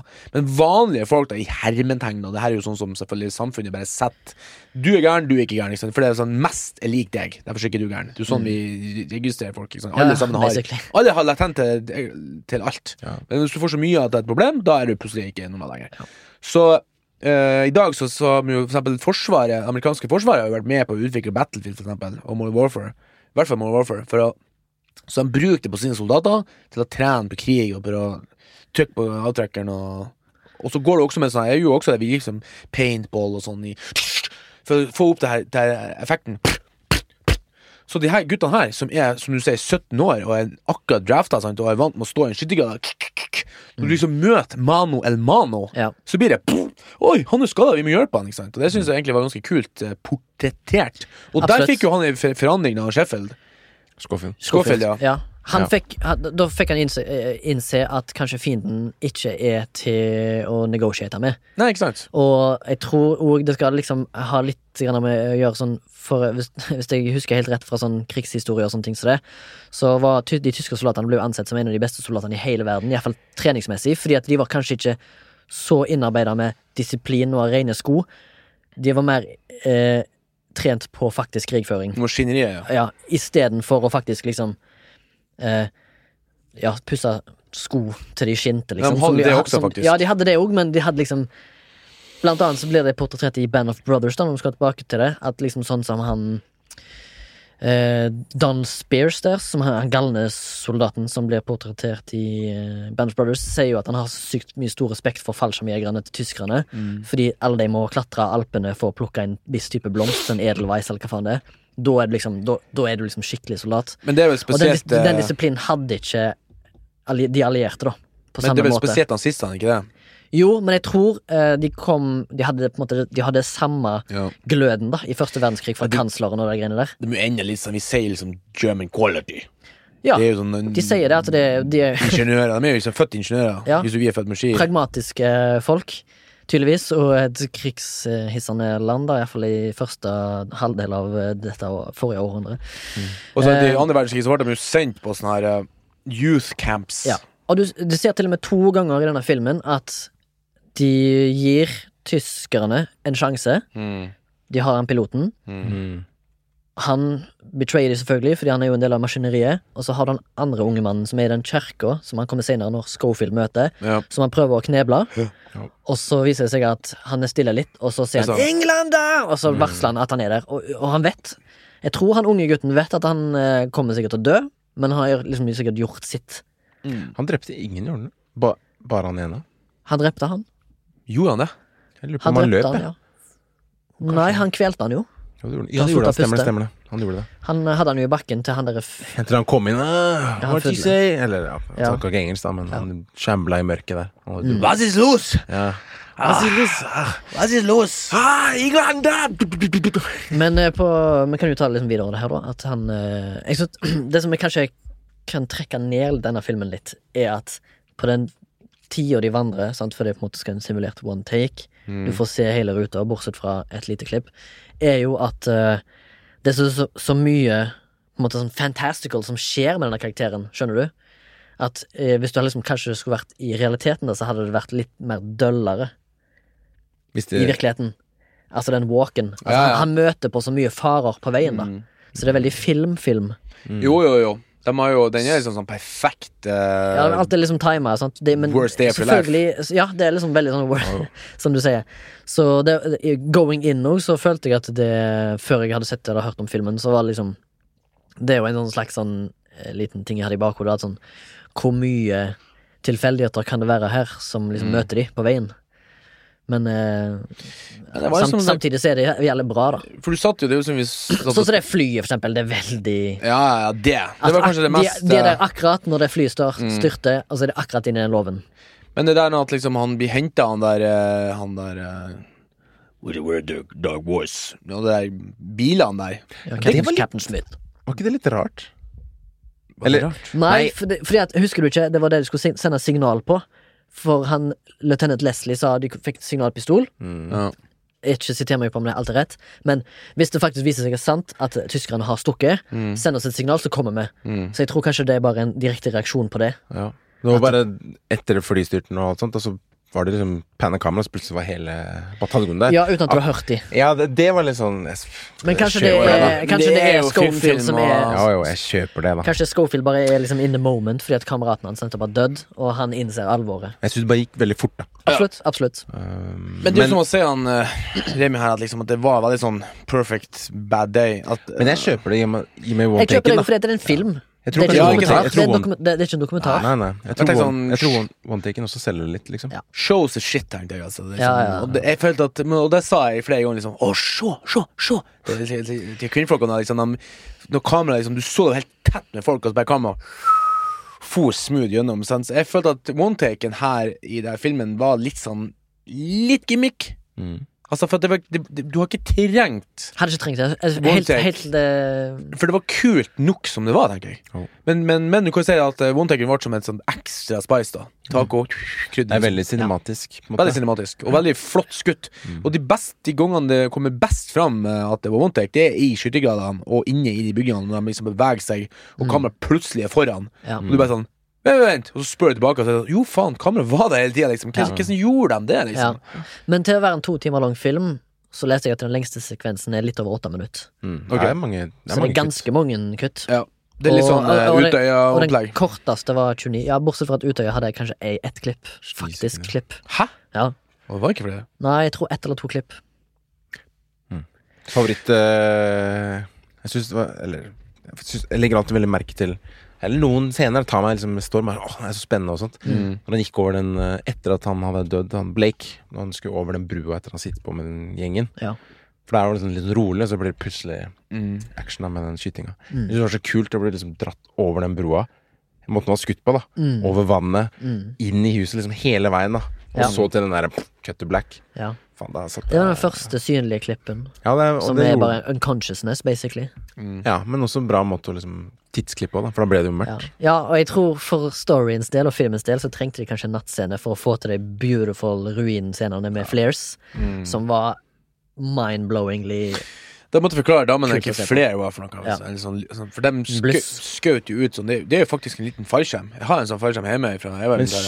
de skjøt opp det for å finne Det er et lyssette Ja, for de vet at eh, de kan være der. mm. Ja, For det var jo altså, hele soldatene. lastebillass. Ja. Ja. Eh, For det kan jo eh, virke som om eh, de Hvis du ikke kan krig og sånt, at de bare gjør det for å lyssette filmen. Nei, liksom. nei, nei. Du, du bruker jo flares i militæret, for, eller forsvaret, for å, for å lyssette. Ja. Ja. Så de liksom er i en sånn fallskjerm, og så går de sakte ned? Det er sånn fosfor.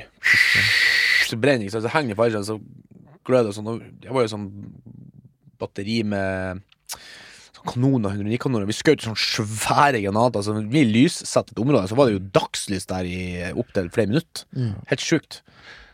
Ja. Men det var jævlig kult uh, på den behind the scenes jeg så på YouTube. Da uh, Da hadde de flares, faktisk. De hadde faktiske flares, bare at de hadde konstruert de til å representere mer varmere lys, altså tungstenlys, Mm. tror jeg. At de skulle være, i hvert fall flares som skulle være litt varmere, da. Mm. Det er bare for filmens del, selvfølgelig. Men uh, da hadde de, de hadde cables, da, for å få perfekt skyggelegging. Ja, ja. Fordi da kan de kontrollere det. Ja, Så det er liksom ikke, det er ikke frittfallende Nei.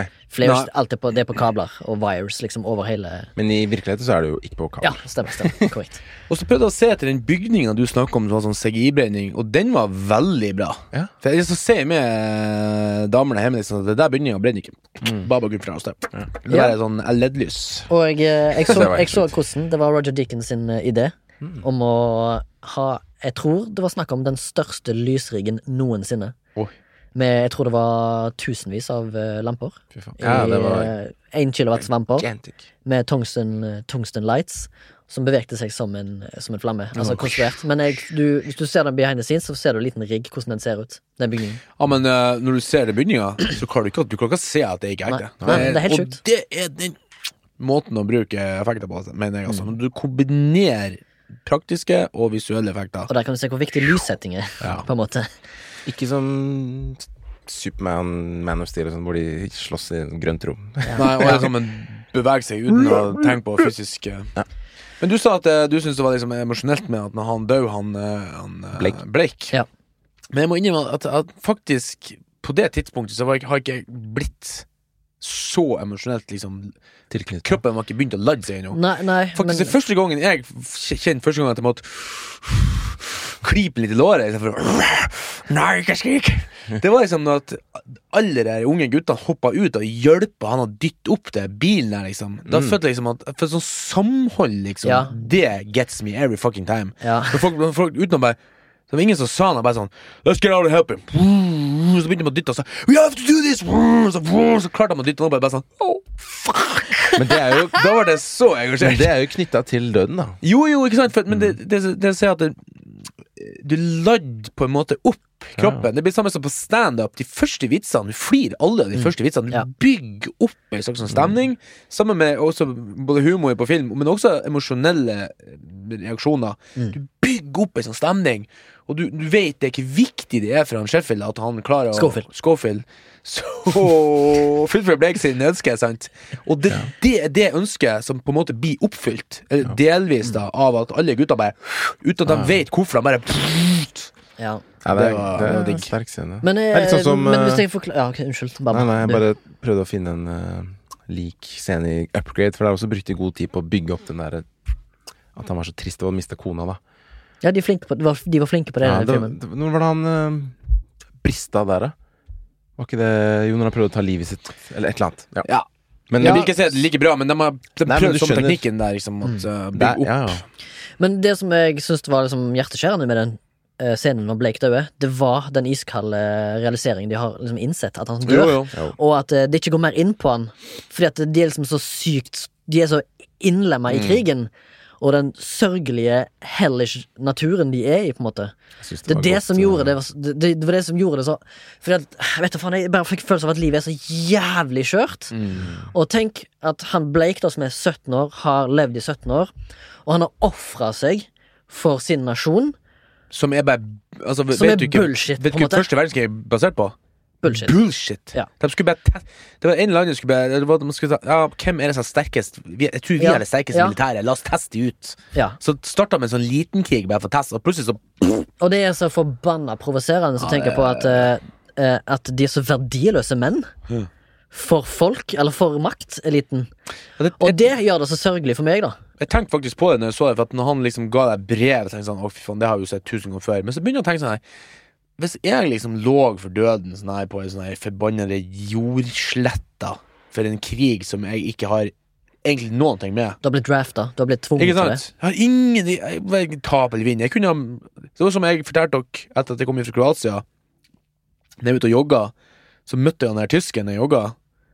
Og da, av en eller annen grunn så begynte jeg å tenke på det at Deep law i flashback-univers. har jeg møtt den tyskeren for 80 år siden, jeg var på joggetur, så det, det endte opp i en kamp om liv og død. Ja.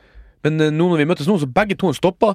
Oh, excuse me, excuse me, jeg gikk ut til sida, liksom. Oh, hello, uh, nice trip. Så, altså, det, jeg har altså, De de der guttene der som drepte hverandre i, Ja. i, i trauet på der melkekua der, Ja. de, de, har egentlig De har ikke noe konflikt. De har ikke konflikt. Nei. Det er liksom de fuckerne på toppen som har konflikten. Ja. Og, da, og da begynte jeg å tenke alt det der kom inn og så det. Liksom. Så, sånn sett var det veldig effektivt scene, Ja. faktisk. ja, det er det jeg mener. For det var så Og- enkelt, som du ser. Det var sånn rolig. Det var bare drapet, og så så liksom sånn Og så var det ja, kult at liksom, han fikk mye Altså, det virka veldig ekte. Ja. Litt sånn ubehagelig realistisk. Mm. At han liksom han, han liksom tok under her. Og han spilte jævlig bra, da. Syns jeg. Ja. Når han liksom For kameraet bare pana bort da han endte vannet, så pana tilbake igjen, og plutselig var Og så sånn likblek han ble. lik Ja, han var så hvit Ja. òg, ja. ja, det er jo bare enkel color grading, da. Ja, ja, men ja. det var effektivt. De gjorde det samme i Utøya-filmen med hun ja. Litla fra Stord som døde. Hvis dere har sett den filmen. Nei. Og så syns jeg at den uh, fungerte veldig bra, fordi det er ofte Eller nå har ikke jeg dødd før, men det er liksom man uh, Tror ikke du på reinkarnasjon, da? First time? First Men, Watch men, uh, men det, det som er veldig naturlig, da, tror jeg, er at du, tenk, du tenker alltid på din næreste. Og det at man liksom snakker om moren sin, det syns jeg var sånn sårt. da Mm. Du tenker ikke Du tenker ikke på penger eller bilen din eller jobben eller et eller annet. Det er liksom mine næreste. De må vite at jeg elsker dem. Liksom. Det er liksom det siste. Og nå skal ikke jeg gå inn i noe eh, dagsaktuell politikk, men eh, speaking of, liksom, gå, gå til det nærmeste. Eh, rest in peace George Floyd, men gjorde ikke han det samme? Han skrek etter mora si. Jeg har ikke, jeg har ikke fått Jeg har ikke, Jeg har ikke fått med, med meg heller, men jeg tror kanskje det ligger noe inn der. Anyways, vi skal eh, ikke inn der nå, men Nei, men det er også liksom uh, I de siste årene så har jeg mista flere av folk som sto meg nært. Både unge kompiser i, i av uh, sjølpåførte årsaker, men også litt eldre som var liksom mer, mer naturlig, da. Og det er liksom utrolig hva lite betydning egentlig det, det materielle har. Altså, Husk på hans svigerfar så hadde liksom bilen full av sånn malingsprøver og sånn listeprøver. Det var så, Han stressa så mye med den der oppussinga. Og det, så, det betydde så mye. Og stress, stress, stress. Og etterpå så lå de bare i bilen, liksom. Plutselig han Dagen etterpå har null verdi. Ja. Men det, altså, det er liksom litt Man kanskje vil bli bedre å tenke over det i hverdagen når man stresser og man har Ja. angst for sånn småtteridritt. At Men samtidig Hvis jeg dør i morgen, så er det null betydning her. Null betydning. Nei, Ja, men det er akkurat samme som Ok, liten anekdote fra mitt liv med døde slektninger.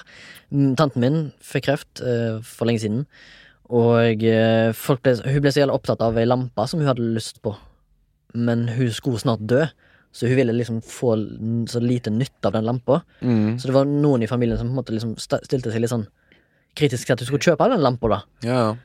Men liksom de aller fleste liksom prøvde jo å forklare rundt da at ja, men kanskje hun får lov til, å nyte den lampa og den Ikke hun har igjen. Mm. Etter, etter at hun er vekke, så er ikke den lampa verdt noen ting for henne Nei. lenger. Eller noen andre. Det er jo litt Så- av, men det er jo liksom også det der å føle at du har fullført et eller annet i livet ditt. Liksom. Ja. Det- helt, helt på tampen. ja. Det blir litt annet da. Men tenker på litt sånn, sånn banale konflikter man har da også. Tenker Mm. litt på da Ja. At Hvorfor skal jeg mukke med han fyren her som skylder meg 500 kroner? Liksom, liksom, hvis jeg, Hvorfor skal du waste en energi og hat og bygge det opp? Ja. Men eh, det er jo på en måte det jeg føler tematikken i denne filmen her, 1917, er litt. Det er liksom Eller jeg følte iallfall på den sjanseløsheten de har da i dette her infernoet de er med på, og hvor verdiløst og skjørt et liv er. Jeg følte iallfall det hele tida. Og når han kommer til målet, da For hva er liksom, hva er liksom stakesa her? Hvorfor sender de bare to menn til å gjøre dette her? Er det enklere enn en fire? Ja, han har en sånn saying det- der. Ja, for jeg føler liksom, er det så jævlig viktig for dem å få den beskjeden? 1600 mann er tydeligvis ikke så mye at de sender to mann. Ja, han- To Eller er det Han har jo en en sånn sign of the der. times? Ja, jeg husker ikke hva han sa. Han sa et eller annet med at ja, jo flere kokker, jo verre. Det er noe med det, ikke sant? Jo flere kokker, jo verre er Ja. Større sjanse for å bli Jo, den der Gehenna-greien han sa. Det er Colin Firth som ser helt i starten. Ja, nettopp. Ja, ja, han sier det. At Why only send two men? Jeg tror faktisk de, de sier det. Jo. Men det er jo noe et grep han har gjort for å gjøre For å gjøre det der eh, det brotherhood og alt det der litt sånn mer sånn dramatisk, ikke sant? Ja, det er jo Men- eh, selvfølgelig er det enklere å lage en film med to stykker enn fire. Ja, Men når han kommer til mål, da der får du virkelig følelsen av hvor hvor nytteløst og hvor håpløst det er. liksom Ja. Halvparten av de kapteinene er liksom Jeg fant kåten. ja. Ja. Down to Gehenna or up to the throne. He travels the fastest who travels alone. ja. Ikke sant? Gehenna er jo jødisk ord for helvete. Og trona er det liksom Det er jo, Det er det er jo trona til Gud. Ja. Det er fra helvete til himmelen, da. Ja. Uh, for det, throne står med stor T, sant? Ja. da er det jo Og Der får du også følelsen av det du har snakket om hele tida nå, at du får det her eh, tusenmetersblikket. Ja, det har At- jo han at- hele tida. Ja, men når du, han kommer til målet sitt Ja. At han klarer faen ikke å stoppe dem engang, for de er så De har Men nå har vi forberedt oss så lenge på å gjøre det her, nå skal vi gjøre det! Så jeg synes Men Mark Strong sin karakter, Captain Smith, sier jo til han 'make sure you have witnesses'. Ja. Og så spør han hvorfor det. Jo, fordi at noen menn liker bare å slåss. Ja, ikke sant? Ja. Og det, jeg synes sånn sett så kommer denne filmen Du kan se denne filmen flere ganger og faktisk eh, tolke mye i det her, faktisk. Mm. Først kan du se den, så jeg tenkte jo som jeg sa i starten, at liksom, det er liksom en gem, da, en sånn visuell gem som ikke har så dyp historie. Men Ja. Når tenk på den på nytt nå, så er det faktisk ganske dypt. Men er ikke det som du sier, da? Noen folk vil bare slåss? Handler ikke hele den krigen om dette? Jo, jo. jo. På en måte?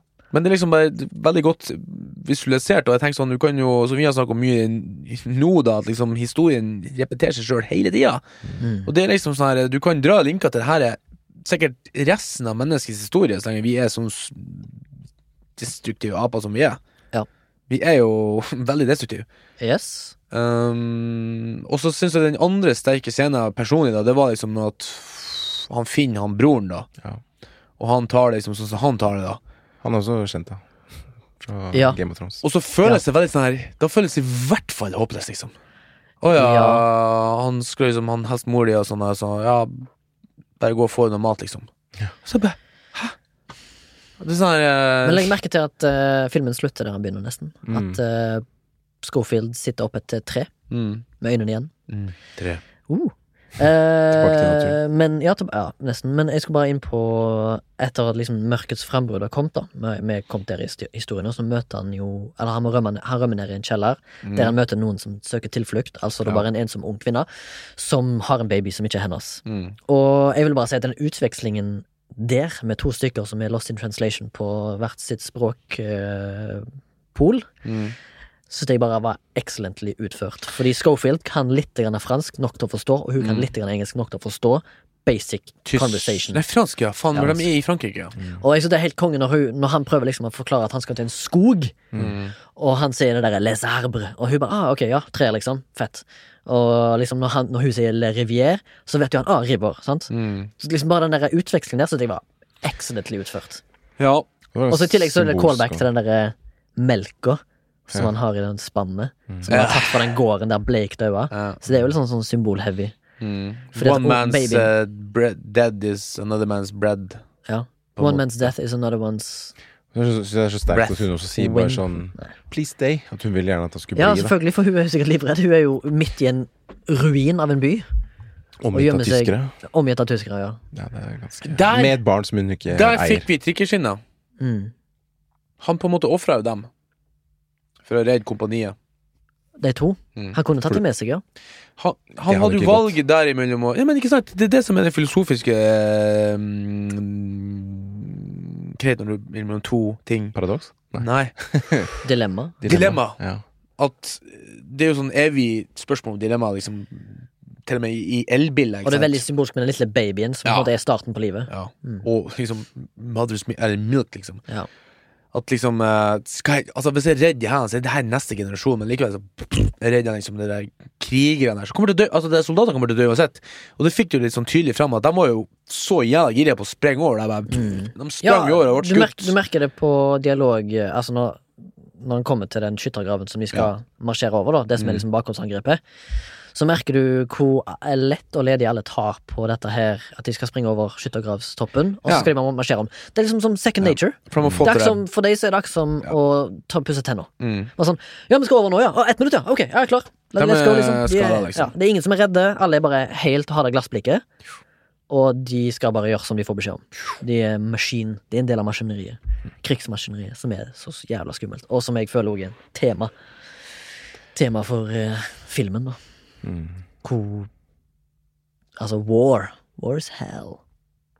Ja, jeg forstår liksom Jeg vet ikke om Kan ikke sette meg inn i hodet til de folka. De som liksom bare Om det var sånn at de Ja. var så klare til løpet, liksom. Visste de at de kom til å dø. Jeg, Altså, jeg, som sagt, jeg har eh, sett dokumentarer om det. Det var både og. For det, det som han sier, han Remi, at du får det der eh, Etter eh, en måned tid der, så blir du bare en robot. Ikke sant? Bare OK, ikke skal gå hen. Men det er jo også selvfølgelig dem som får For det er jo på en måte hjernen sitt sjølforsvar. Bare blokk ut. Du blir sånn nummen, heter det. Det samme også hvis du får veldig mye dritt i hverdagen. Hvis du er, hvis du er på randen av nervesammenbrudd, før du får det, så får du en såkalt sånn her eh, lock, Altså, du blir helt bare robot. Zombie. Du bare work, work, work, work. Og så kommer nervesambruddet. ikke sant? Hjernen begynner å våkne opp igjen, for at han klarer ikke å være sånn så lenge. Ikke, det her er selvfølgelig individuelt. Ja. Men sånne karer lå jo ned i grøfta der, og så det, har du sett masse bilder av filmer, både i første og andre verdenskrig, at du får sånn her eh, De har jo sånn bilde fra første verdenskrig, det sitter sett sånn basically ser ut som unger som sitter liksom med hjelmen i fanget der og gliser, liksom. Og så ser du bare ligge døde kropper rundt. Ja, Altså, de er helt vant med det. de kom liksom ned sånne fotografer, og så bare så de en fyr sånn de, men de, de har jo da fått nevesambrudd, da. De, Mm. de fungerer ikke helt tatt. Ja. Og de blir bare sittende der. Til de enten blir skutt, eller Mm. at eh, de bare vandrer ut og blir liksom, borte. Så liksom, eh, det fungerer i stund, da, og derfor så er det bare sånn Derfor tror jeg generalene også bare sender dem ut, sånn, for de vet at hvis denne karen sitter sitte for lenge her, Ja. så blir han gæren. Ja. Så vi må bare få han ut, så får han kanskje drept noen, eller så blir han drept sjøl. Og så må han komme tilbake igjen og så benytte Holde dem i aktivitet. Men faktisk, jeg vet ikke om jeg leste det eller så det på den dok dokumentaren. Det var visstnok, hvis du skulle tilbake til et reelt Du snakket om å ta bilde, så var masse lik rundt. Ja. Egentlig, i virkeligheten, så skulle det være mer lik Ja, ja, ja, Fordi at det, den filmen gjør det ganske light Mm. på døde kropper. For visstnok så var det enda Det var golv, det var golv Ja. med død. For det var litt sånn der Som det var liksom Holdt på å si Når Det mongolerne det var ingen som henta de. Det var ingen som hentet de De sto bare på grensen, og så bare Ja. På andre verdenskrig så var det mer sånn her eh, Det for litt, da var det mer sånn taktisk, men der var det bare som sto på hver sin grense. Bare Ja. Knøllere Og det er liksom gammel krigføring, da. Den som har størst hær, vinner, liksom. Ja. Basically. Faen meg jævlig, ass. Ja, det er helt jævlig. Og de tråkka Ut av 300. Ja, Det går på engasjement. Ja, sant. det. Ja, men det er sånn som jeg har sett at de, at de gikk over. Liksom, De går tråkk på lik. Bakken var liksom Og det er derfor du snakka om helt i starten, at de gikk på de plankene der. For Ja. alt var jo basically forpesta. Ja. På grunn av at uh, det verste for oss mennesker er jo andre døde mennesker. Ja. Og det var litt sånn Han stakk seg på det der uh, piggtråden og så bare brrr, og trompa handa nedi ja. nedi tråds... Nedi kroppen, Nedi på kroppen den fyren der. Ja, Mm. Da var jeg sånn Ok, det, men det betyr ikke tenk da Han der kan komme til å dø. ja. Det var sånn fucking sånn Jacobs gun. Jacobs Jack, Chekhov. Chekhovs gun. Jeg sa jo kjerringa Chekhovs gun, det. Jeg fikk ikke noe Chekhovs her igjen. Fikk ikke noe Chekhovs her. Jeg, jeg syns det var litt komisk, jeg. For det er så mye fokus Akkurat på handa. Sånn okay, det Hvis det hadde vært en ekte Chekhovs gun, for, for å bare forklare det til kanskje nye lyttere, vet ikke, så det, hadde det vært hvis um, eh, for En Chekhovs gun for Blake da hadde vært hvis en kniv hadde kommet til syne tidlig i filmen, Mm. og så hadde han blitt drept med sin egen kniv. Det er en Chekhovs gun, sant? Eller at han har liksom sittet og Why are you so obsessed with your gun? I have to, have to be clean. Ja. Hvis- Og Eller, senere den, den kniven måtte bli brukt. Hæ? Den kniven måtte bli brukt. Ja. Mm. Altså, hvis han ble drept av samme kniven, så hadde det vært ja, ja. For eksempel, la oss si at Blake hadde blitt drept av sin egen bajonett. Ja. Mm. Mm. Det hadde vært litt sånn symbolsk. Så ja, du venta liksom litt på den Men Men for, forløsningen her, da, hvis vi kan kalle det en forløsning i filmen. Han, eh, den, den elva som, han, som er, ser ut som et helvete på jord. Det virker som han dauer annethvert sekund i den eh, elvebredden som han er i. For han finner den elva, kommer til den skogen, fin scene der med noe synging. Kanskje det er en av de få liksom, der du chiller, men du ser du jo glassblikket til Schofield i den slappe av ved det treet og er liksom bare utslitt. Og en annen sånn ting som òg symboliserer hans reise, er på enden, det er at han har mista alt utstyret sitt, og vi har fått sett det. Først røyk hjelmen, så røyk våpna, så røyk gruen. Nå har han bare ei jakke og buksa igjen. Han har liksom mista alt. Det er, det er jo liksom på en måte en bra sub, eh, forteller, Strippa for alt, liksom. forteller, fortellerteknikk for å vise arken hans, da. At han er strippa for alt. Det betyr at han har, han, han, har, han har gått gjennom en forandring, da. Kan du si. Ja, visual change, faktisk. Ja, og så, og så får han gitt denne beskjeden til Benedict Cumbersnatch. Så føler jeg at han, når han sitter på treet der, liksom bare sånn Han er sikkert helt skada, men for hva, liksom? Eller Jeg føler ikke at han syntes det var verdt det. Nei, jeg tror ikke han følte det, men jeg tror han, jeg tror han eh, fortsatt sørga over tapet på Blake. Og siden han ikke er skada noe særlig, han har fått et rift i hånda Han har vel kanskje blitt skutt, eller fått et lite hjernerystelse i bakhodet òg, fra det skuddet i trappa. For der, jeg er ikke helt sikker på hva som skjedde der. Fikk han det? Ja, Men uansett, han er sikkert bare neste dag, så har han fått i litt mat, litt søvn, så er han tilbake inn i det. Helt sikkert. Ny dag. Ja, ny dag, Og det, ny krig. Du snakker om det at det var rart at han penna over at det sto plutselig helt, helt kompani der i biler. Så var det kanskje det andre tingen som var litt rart, stelle med liksom damene stussa på. Det var liksom at han kunne bare gå inn på et helt kompani som satt og sang en sånn salme, uten at det var noen som stussa på det. Jo, på en måte så stussa ikke jeg over det, fordi jeg tror kanskje det kompaniet de, de hadde det området. Kanskje. Ja, men han var, kom jo bare valsende inn der. Han kunne jo Ja. vært hvem som helst. Ok. Uh, state your business, man. For, for friend. Jo, ja, jeg kan forsvare det med at han kom jo helt unarmed og nesten strippa for alt utstyr. Han hadde bare klær på seg. Og så, han, Men så de ut vil som- jo- han så ut som en Ja, zombie. ja. Jeg, jeg jeg, skjønner. jeg, jeg, kjøpte jo òg, men liksom, Ja. jeg tenkte, det var ikke noe som snudde seg engang. hvis det er liksom. noe jeg skulle mer stussa på, så er det at uh, feltsjukehuset er altfor nærme skyttergrava. Ja, Hvis, bare hvis, sånn artilleriet kan, hvis, hvis artilleriet kan nå skyttergrava, så tror jeg artilleriet kan nå det feltsykehuset. eh, feltsjukehuset. we'll set up camp here. Og så, og så var det liksom Men det tror jeg sikkert bare er en, van, det er en løsning de bare innså at de måtte ha. og så var, og så var også sykehuset for på Ja. bakken. Liksom. Ja. Bare for at de skulle bli ekstra godt treff der. Ja, Liksom. ja, ja, det tenkte jeg, det var, men det tenker nok det er sikkert bare teknisk. Ja, men altså, når de gikk opp der Og sykehus, eh, Når de gikk opp bakken og så teltet tenkte- da tenkte jeg faktisk på det. Å, ja, De har lagt teltet opp på bakken. Ja, Tyskerne har gravd det ned. ja for sykehusene pleier å være under bakken. Ja, De hadde jo alltid i bakken. der, Ja, det- eller iallfall langt vekke. Ja, ja. Mm, Flere mil, sikkert. for de hadde jo ikke kikkertsikte. Og, eh, jeg tror ikke De der artilleriet de hadde på den tida, det var jo basically munnladningskanoner. Ja, ja. Så de skjøt ikke mer enn noen kilometer. Men ja. Han øh, Men det var en flott Jeg koser meg. Jeg Og det var både tårer og latter. Altså, jeg syns det var faktisk var Jeg vil se den igjen. Fin. Jeg fikk lyst til å se den igjen, for jeg, jeg kjeder meg ikke et jævla sekund. Og enkelte filmer så kjeder jeg meg på. Ja. Men her kjeder jeg meg. Jeg ville bare se hva som skjer videre. Ja. Det var veldig spennende eh, driv da gjennom hele filmen. Jeg vet ikke helt om det var liksom Saving Pride Ryan, så jeg synes var en jævla god krigsfilm. Ja, den eh, er en av de beste. Men uh, den var Den var Den var bra. Mm. Fy faen, den, den Normandie-scenen i Same Pride Ryan, den er rå. Ja. En, han- Fyren som leter etter armene sine, liksom. Mm. Uh, Og det er jo sånn real accounts. Ja, det er jo sånn, det, sånn var det. Så- sånn er Der var det nok lik og Der har du glassblikk og maskineri. Ja. Fordi han Fy fyren der Han kan, liksom ikke, han kan ikke la armen sin ligge der. Det er jo en del av han sjøl. Han er jo en extension av uh, Det er jo våpenet hans, det er jo våpenarmen hans. Den må jo ha med seg. Mm. Så han er jo helt manipulert. Helt brainwashed. Ja. Tenk å bli sendt inn der, jeg tenker på det hver gang, i sånn båt. Inn til din sikre død, liksom. ja, men visste han det? Selvfølgelig. Ja, jeg tror det. Det er Ser skikkelig jo det. Ja, ja. Ja, fy faen. Den er drøy, ass. Tenk at det er Steven Spielberg. Det var liksom Han har nesten ikke starta. Og den eh, scenen Det, når han, det er eh, faktisk jævlig bra. Ja. når han skal levere den beskjeden i en skytter- skyttergrave, det er jo den siste på en måte hindringen hans, hvis Mm. vi skal gå på det. Det er jo at eh, det er altfor mange folk i skyttergrava, så han klarer ikke å bane vei. Nei. Som er liksom Hvor er liksom Where's the lieutenant? Eller Where's the colonel?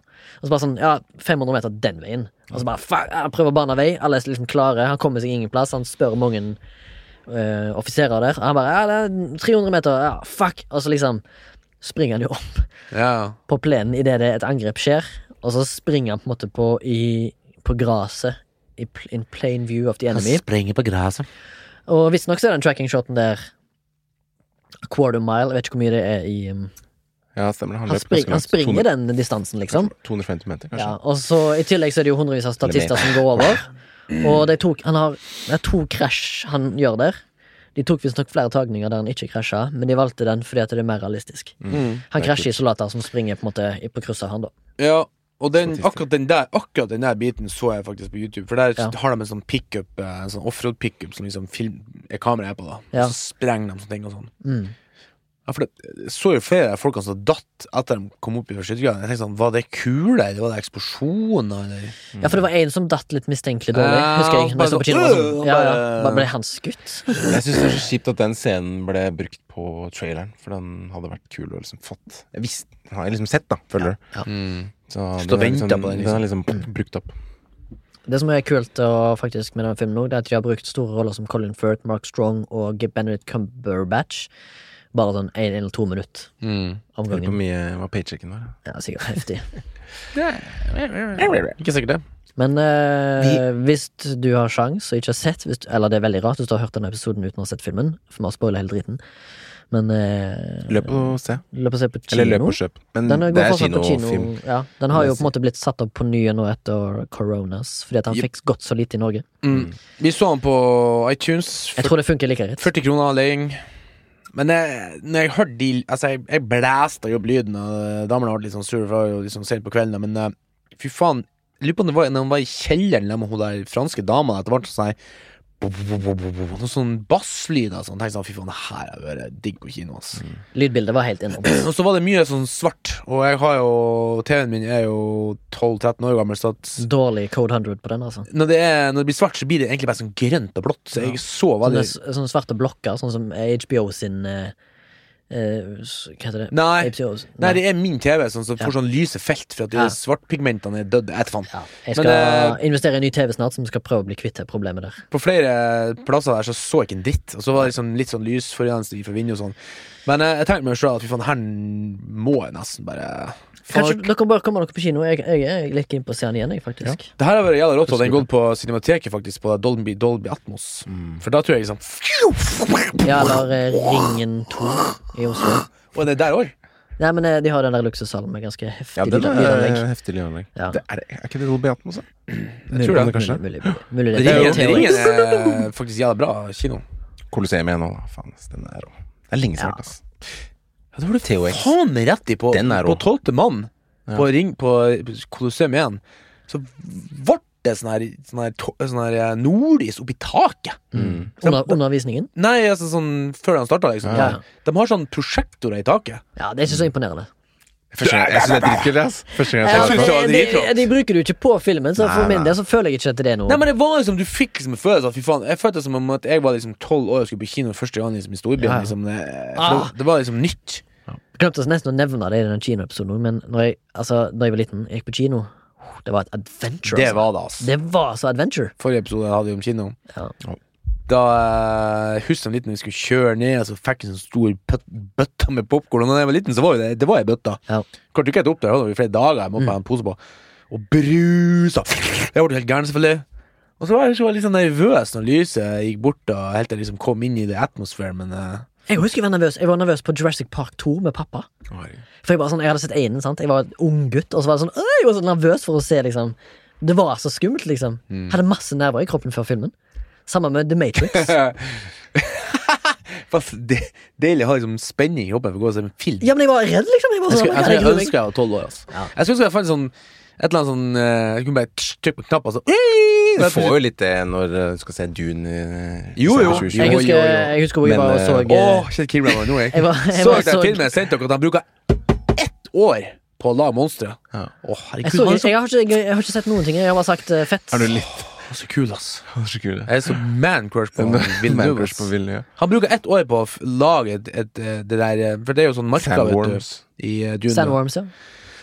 Og så bruker han et år på å utvikle dem, så at de var liksom realistisk i sitt univers, da, med pusting og breathing og formering og alt, liksom, så de, virker ekte. Han brukte nok tenk- ikke, denne brukte nok ikke lyddesignen, et da. år, år. Han brukte nok ikke åtte timer daglig i et år. Slutt, da! Han brukte et Slutt, år. Nei, I ny og ne. Ja, ja, ja, inn og ut av det. Han, Men ideen kom, og så ett år senere så var ideen der. han bestemte seg ikke for det. Nei, ikke sant, men han har jo selvfølgelig det gode folk under seg, men han er god Ja. på å delegere. Han er veldig god på å si det. At faen, nå er jeg så heldig når jeg får med meg folk. Han er, åh, han er kul. Han. Ja, han er en kul fyr. Han er en, absolutt en, noe vi trenger. Da blir det dobbelt, dobbelt, episode. da, Må vi hoppe til uh, underarm. Ja, ja, Nei, faen, tida renner fra oss. Uh, jeg har jo under radaren igjen. Jeg skal prøve å selge den inn like godt som jeg har solgt inn andre japanske dokumentarer. Som Oi. skal til dokumentaruniverset i, igjen. Sake. Så dine venner som hører på Morten, som Ja. du har sagt før, at jeg pitcher bra Mhm. docus. Nils, følg med. Eh, Har den er mulig at denne her er sett før av mange, men eh, den heter The Kingdom of Dreams and Madness. Som er da eh, en dokumentarfilm fra 2013. Eh, som eh, do, eh, dokumenterer eh, hvordan ansatte ved Studio Ghibli i ja. Japan eh, skal lage og produsere samtidig to filmer som skal ha release. Så du følger på en måte filmskaperne som jobber der, og da spesielt en Hayo Miyazaki, som er så kjent for alle sine filmer, som blant annet uh, Chihiro-heksene eller Spirited Away og alt det greiene der. Han skal da, de skal da i gang med å prøve å Eller de holder på å lage uh, The Wind eh, Rises, Mm. og den filmen som heter The Tale of Princess Kaguya. eh, som jeg ikke har sett, faktisk. Men uh, Wind Rises er òg. jeg har ikke sett Wind Raw. Rises heller. Men det, vel, det vel, handler vel om noe fly, fordi at han Hayo Miyazaki er jo så jævlig lidenskapelig opptatt av fly. Jeg tror det er faktisk noe dyr som flyr i den. Ja, men er ikke det vanlige fly òg? Mm, Altså bo bombere, altså sånn Ja, Spitfires-greier. det er noe sånn luft Jeg husker ikke. Anyways, Half Moon Castle er bra. ja. Men uansett, eh, denne filmen da dokumenterer da i rutinene deres som employees, og hvordan de eh, Spesielt da så får du innblikk i når de begynner å caste når, Altså, det er en interessant film for filmskapere som har lyst til å se hvordan en film kan bli laga. Jeg elsker jo dokumentarer om det å lage film. Mm. Det fins mange gode der ute. Um, men den her da viser liksom sånn prosessen hvordan Hayo Miyazaki, som er veldig gammeldags og tradisjonell, jobber på gammeldags og tradisjonell måte når han skal visualisere filmen. Så han lager jo først en dreiebok, sant? og så delegerer han jo arbeid. Mm. Og så liksom, får du bli med en del i castingen, du får bli med en del i, eh, som, eh, i produksjonen, altså som produsentrollen. Mm. Og så får du liksom se innspillingen av voice acting, og så får du liksom innblikk i livet til Hayo Miyazaki, da, som begynner å bli en eh, ganske gammel mann, og litt sånn eh, digg eh, og sånn fredelig film på samme måte som meg og deg diskuterte Morten uh, Jodorowskys Dune. Mm. Mm. At han har en sånn svevende, rolig atmosfære gjennom hele, som du på en måte Det er en sånn veldig sånn fin film du kan ha når du for eksempel har lyst til å bare slappe av Mm. og ikke har lyst til å bli superanstrengt. Så det er en sånn film å se. Jeg har den på DVD, så jeg vet ikke hvor du kan få sett den. Men jeg vet at han har hatt ganske mye wide releases. Jeg har sett den bare på Netflix for mange år siden. Jeg vet ikke hvor han er nå. Men The Kingdom of Dreams and Madness anbefaler jeg på det sterkeste. Så har den der eh, s- Få med andre Eller få fram det beste i andre utstrålinga. Miyazaki. Ja. Han er utrolig fascinerende. Spesielt eh, mine favorittscener fra filmen er jo når de filmer han på hjemmefronten, når han er hjemme og forteller liksom og filosoferer litt om hans eget liv og hva han tenker om ting og tang. Det er så jævlig inspirerende å se på. Det er ofte det mest interes interessante. Liksom Ja. Folk på sitt normale. Men så er det jo gøy, gøy å se på han når han stå, eh, står og tegner for hånd handlingsforløpet i sånn dreiebok. Og så ser du han lukke øynene sine, og så ser du munnen hans går sånn stille. Han sitter liksom og fabulerer og tenker ut. Mens han liksom lukker øynene, og så kikker han liksom opp i taket, og så setter han seg ned igjen, så begynner han å tegne. Og så altså, gjør han det hele tida, og så filmer de litt sånn på avstand. Ser filmen inni. ja, de er veldig dokumentariske, og du kan bare se hvor kreativt de jobber, da. Og det er deilig å se. Den fikk jeg lyst til å se, altså. Den må du se. You made it. Du var bra, var bra pitch. Men jeg, litt, jeg, eh, men jeg lurer på, har dere sett de to andre japanske dokumentarene jeg har pitcha? Ikke sett. Om. The Birth of Sake Ja. og Jiro Dreams of Sushi. Nei. Ikke sett. Oppgave, gutta. Oppgave. Kom igjen. Hvor ligger Netflix. begge to? Oh! I think, I thinks. Skal sjekke. Det gjør det. Nei, jeg er dårlig på, dårlig på å følge opp, altså. Ja, ja. Men jeg håper vi har gitt en lytter eller to eh, noe å se fram til. Jeg vet i Absolutt, Jon uh, elsker eh, Japan, så han har nok sikkert. Men det gjør jeg òg. Det gjør du. Så jeg, hvorfor du ikke har sett Jeg har sett Jiro Dreams of Sushi kanskje ti ganger, og jeg har sett Birth of Sake sånn tre-fire ganger. Shit! Ja, men det er helt jeg fantastiske dokumentarer. Da, skal jeg, da må jeg sjekke det ut, altså. Ok. Nå har du sagt det. Ja, jeg har sagt det.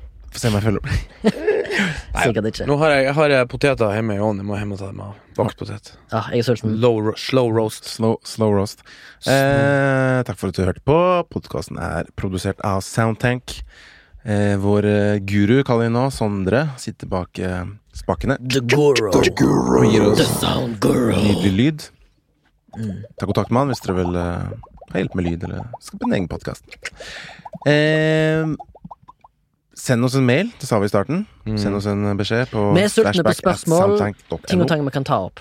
Kontakt oss på Instagram eller på Facebook. Og gi oss, eh, hvis dere vel ønsker å bidra økonomisk med podkasten vår, så tar vi imot eh, bidrag på VIPS.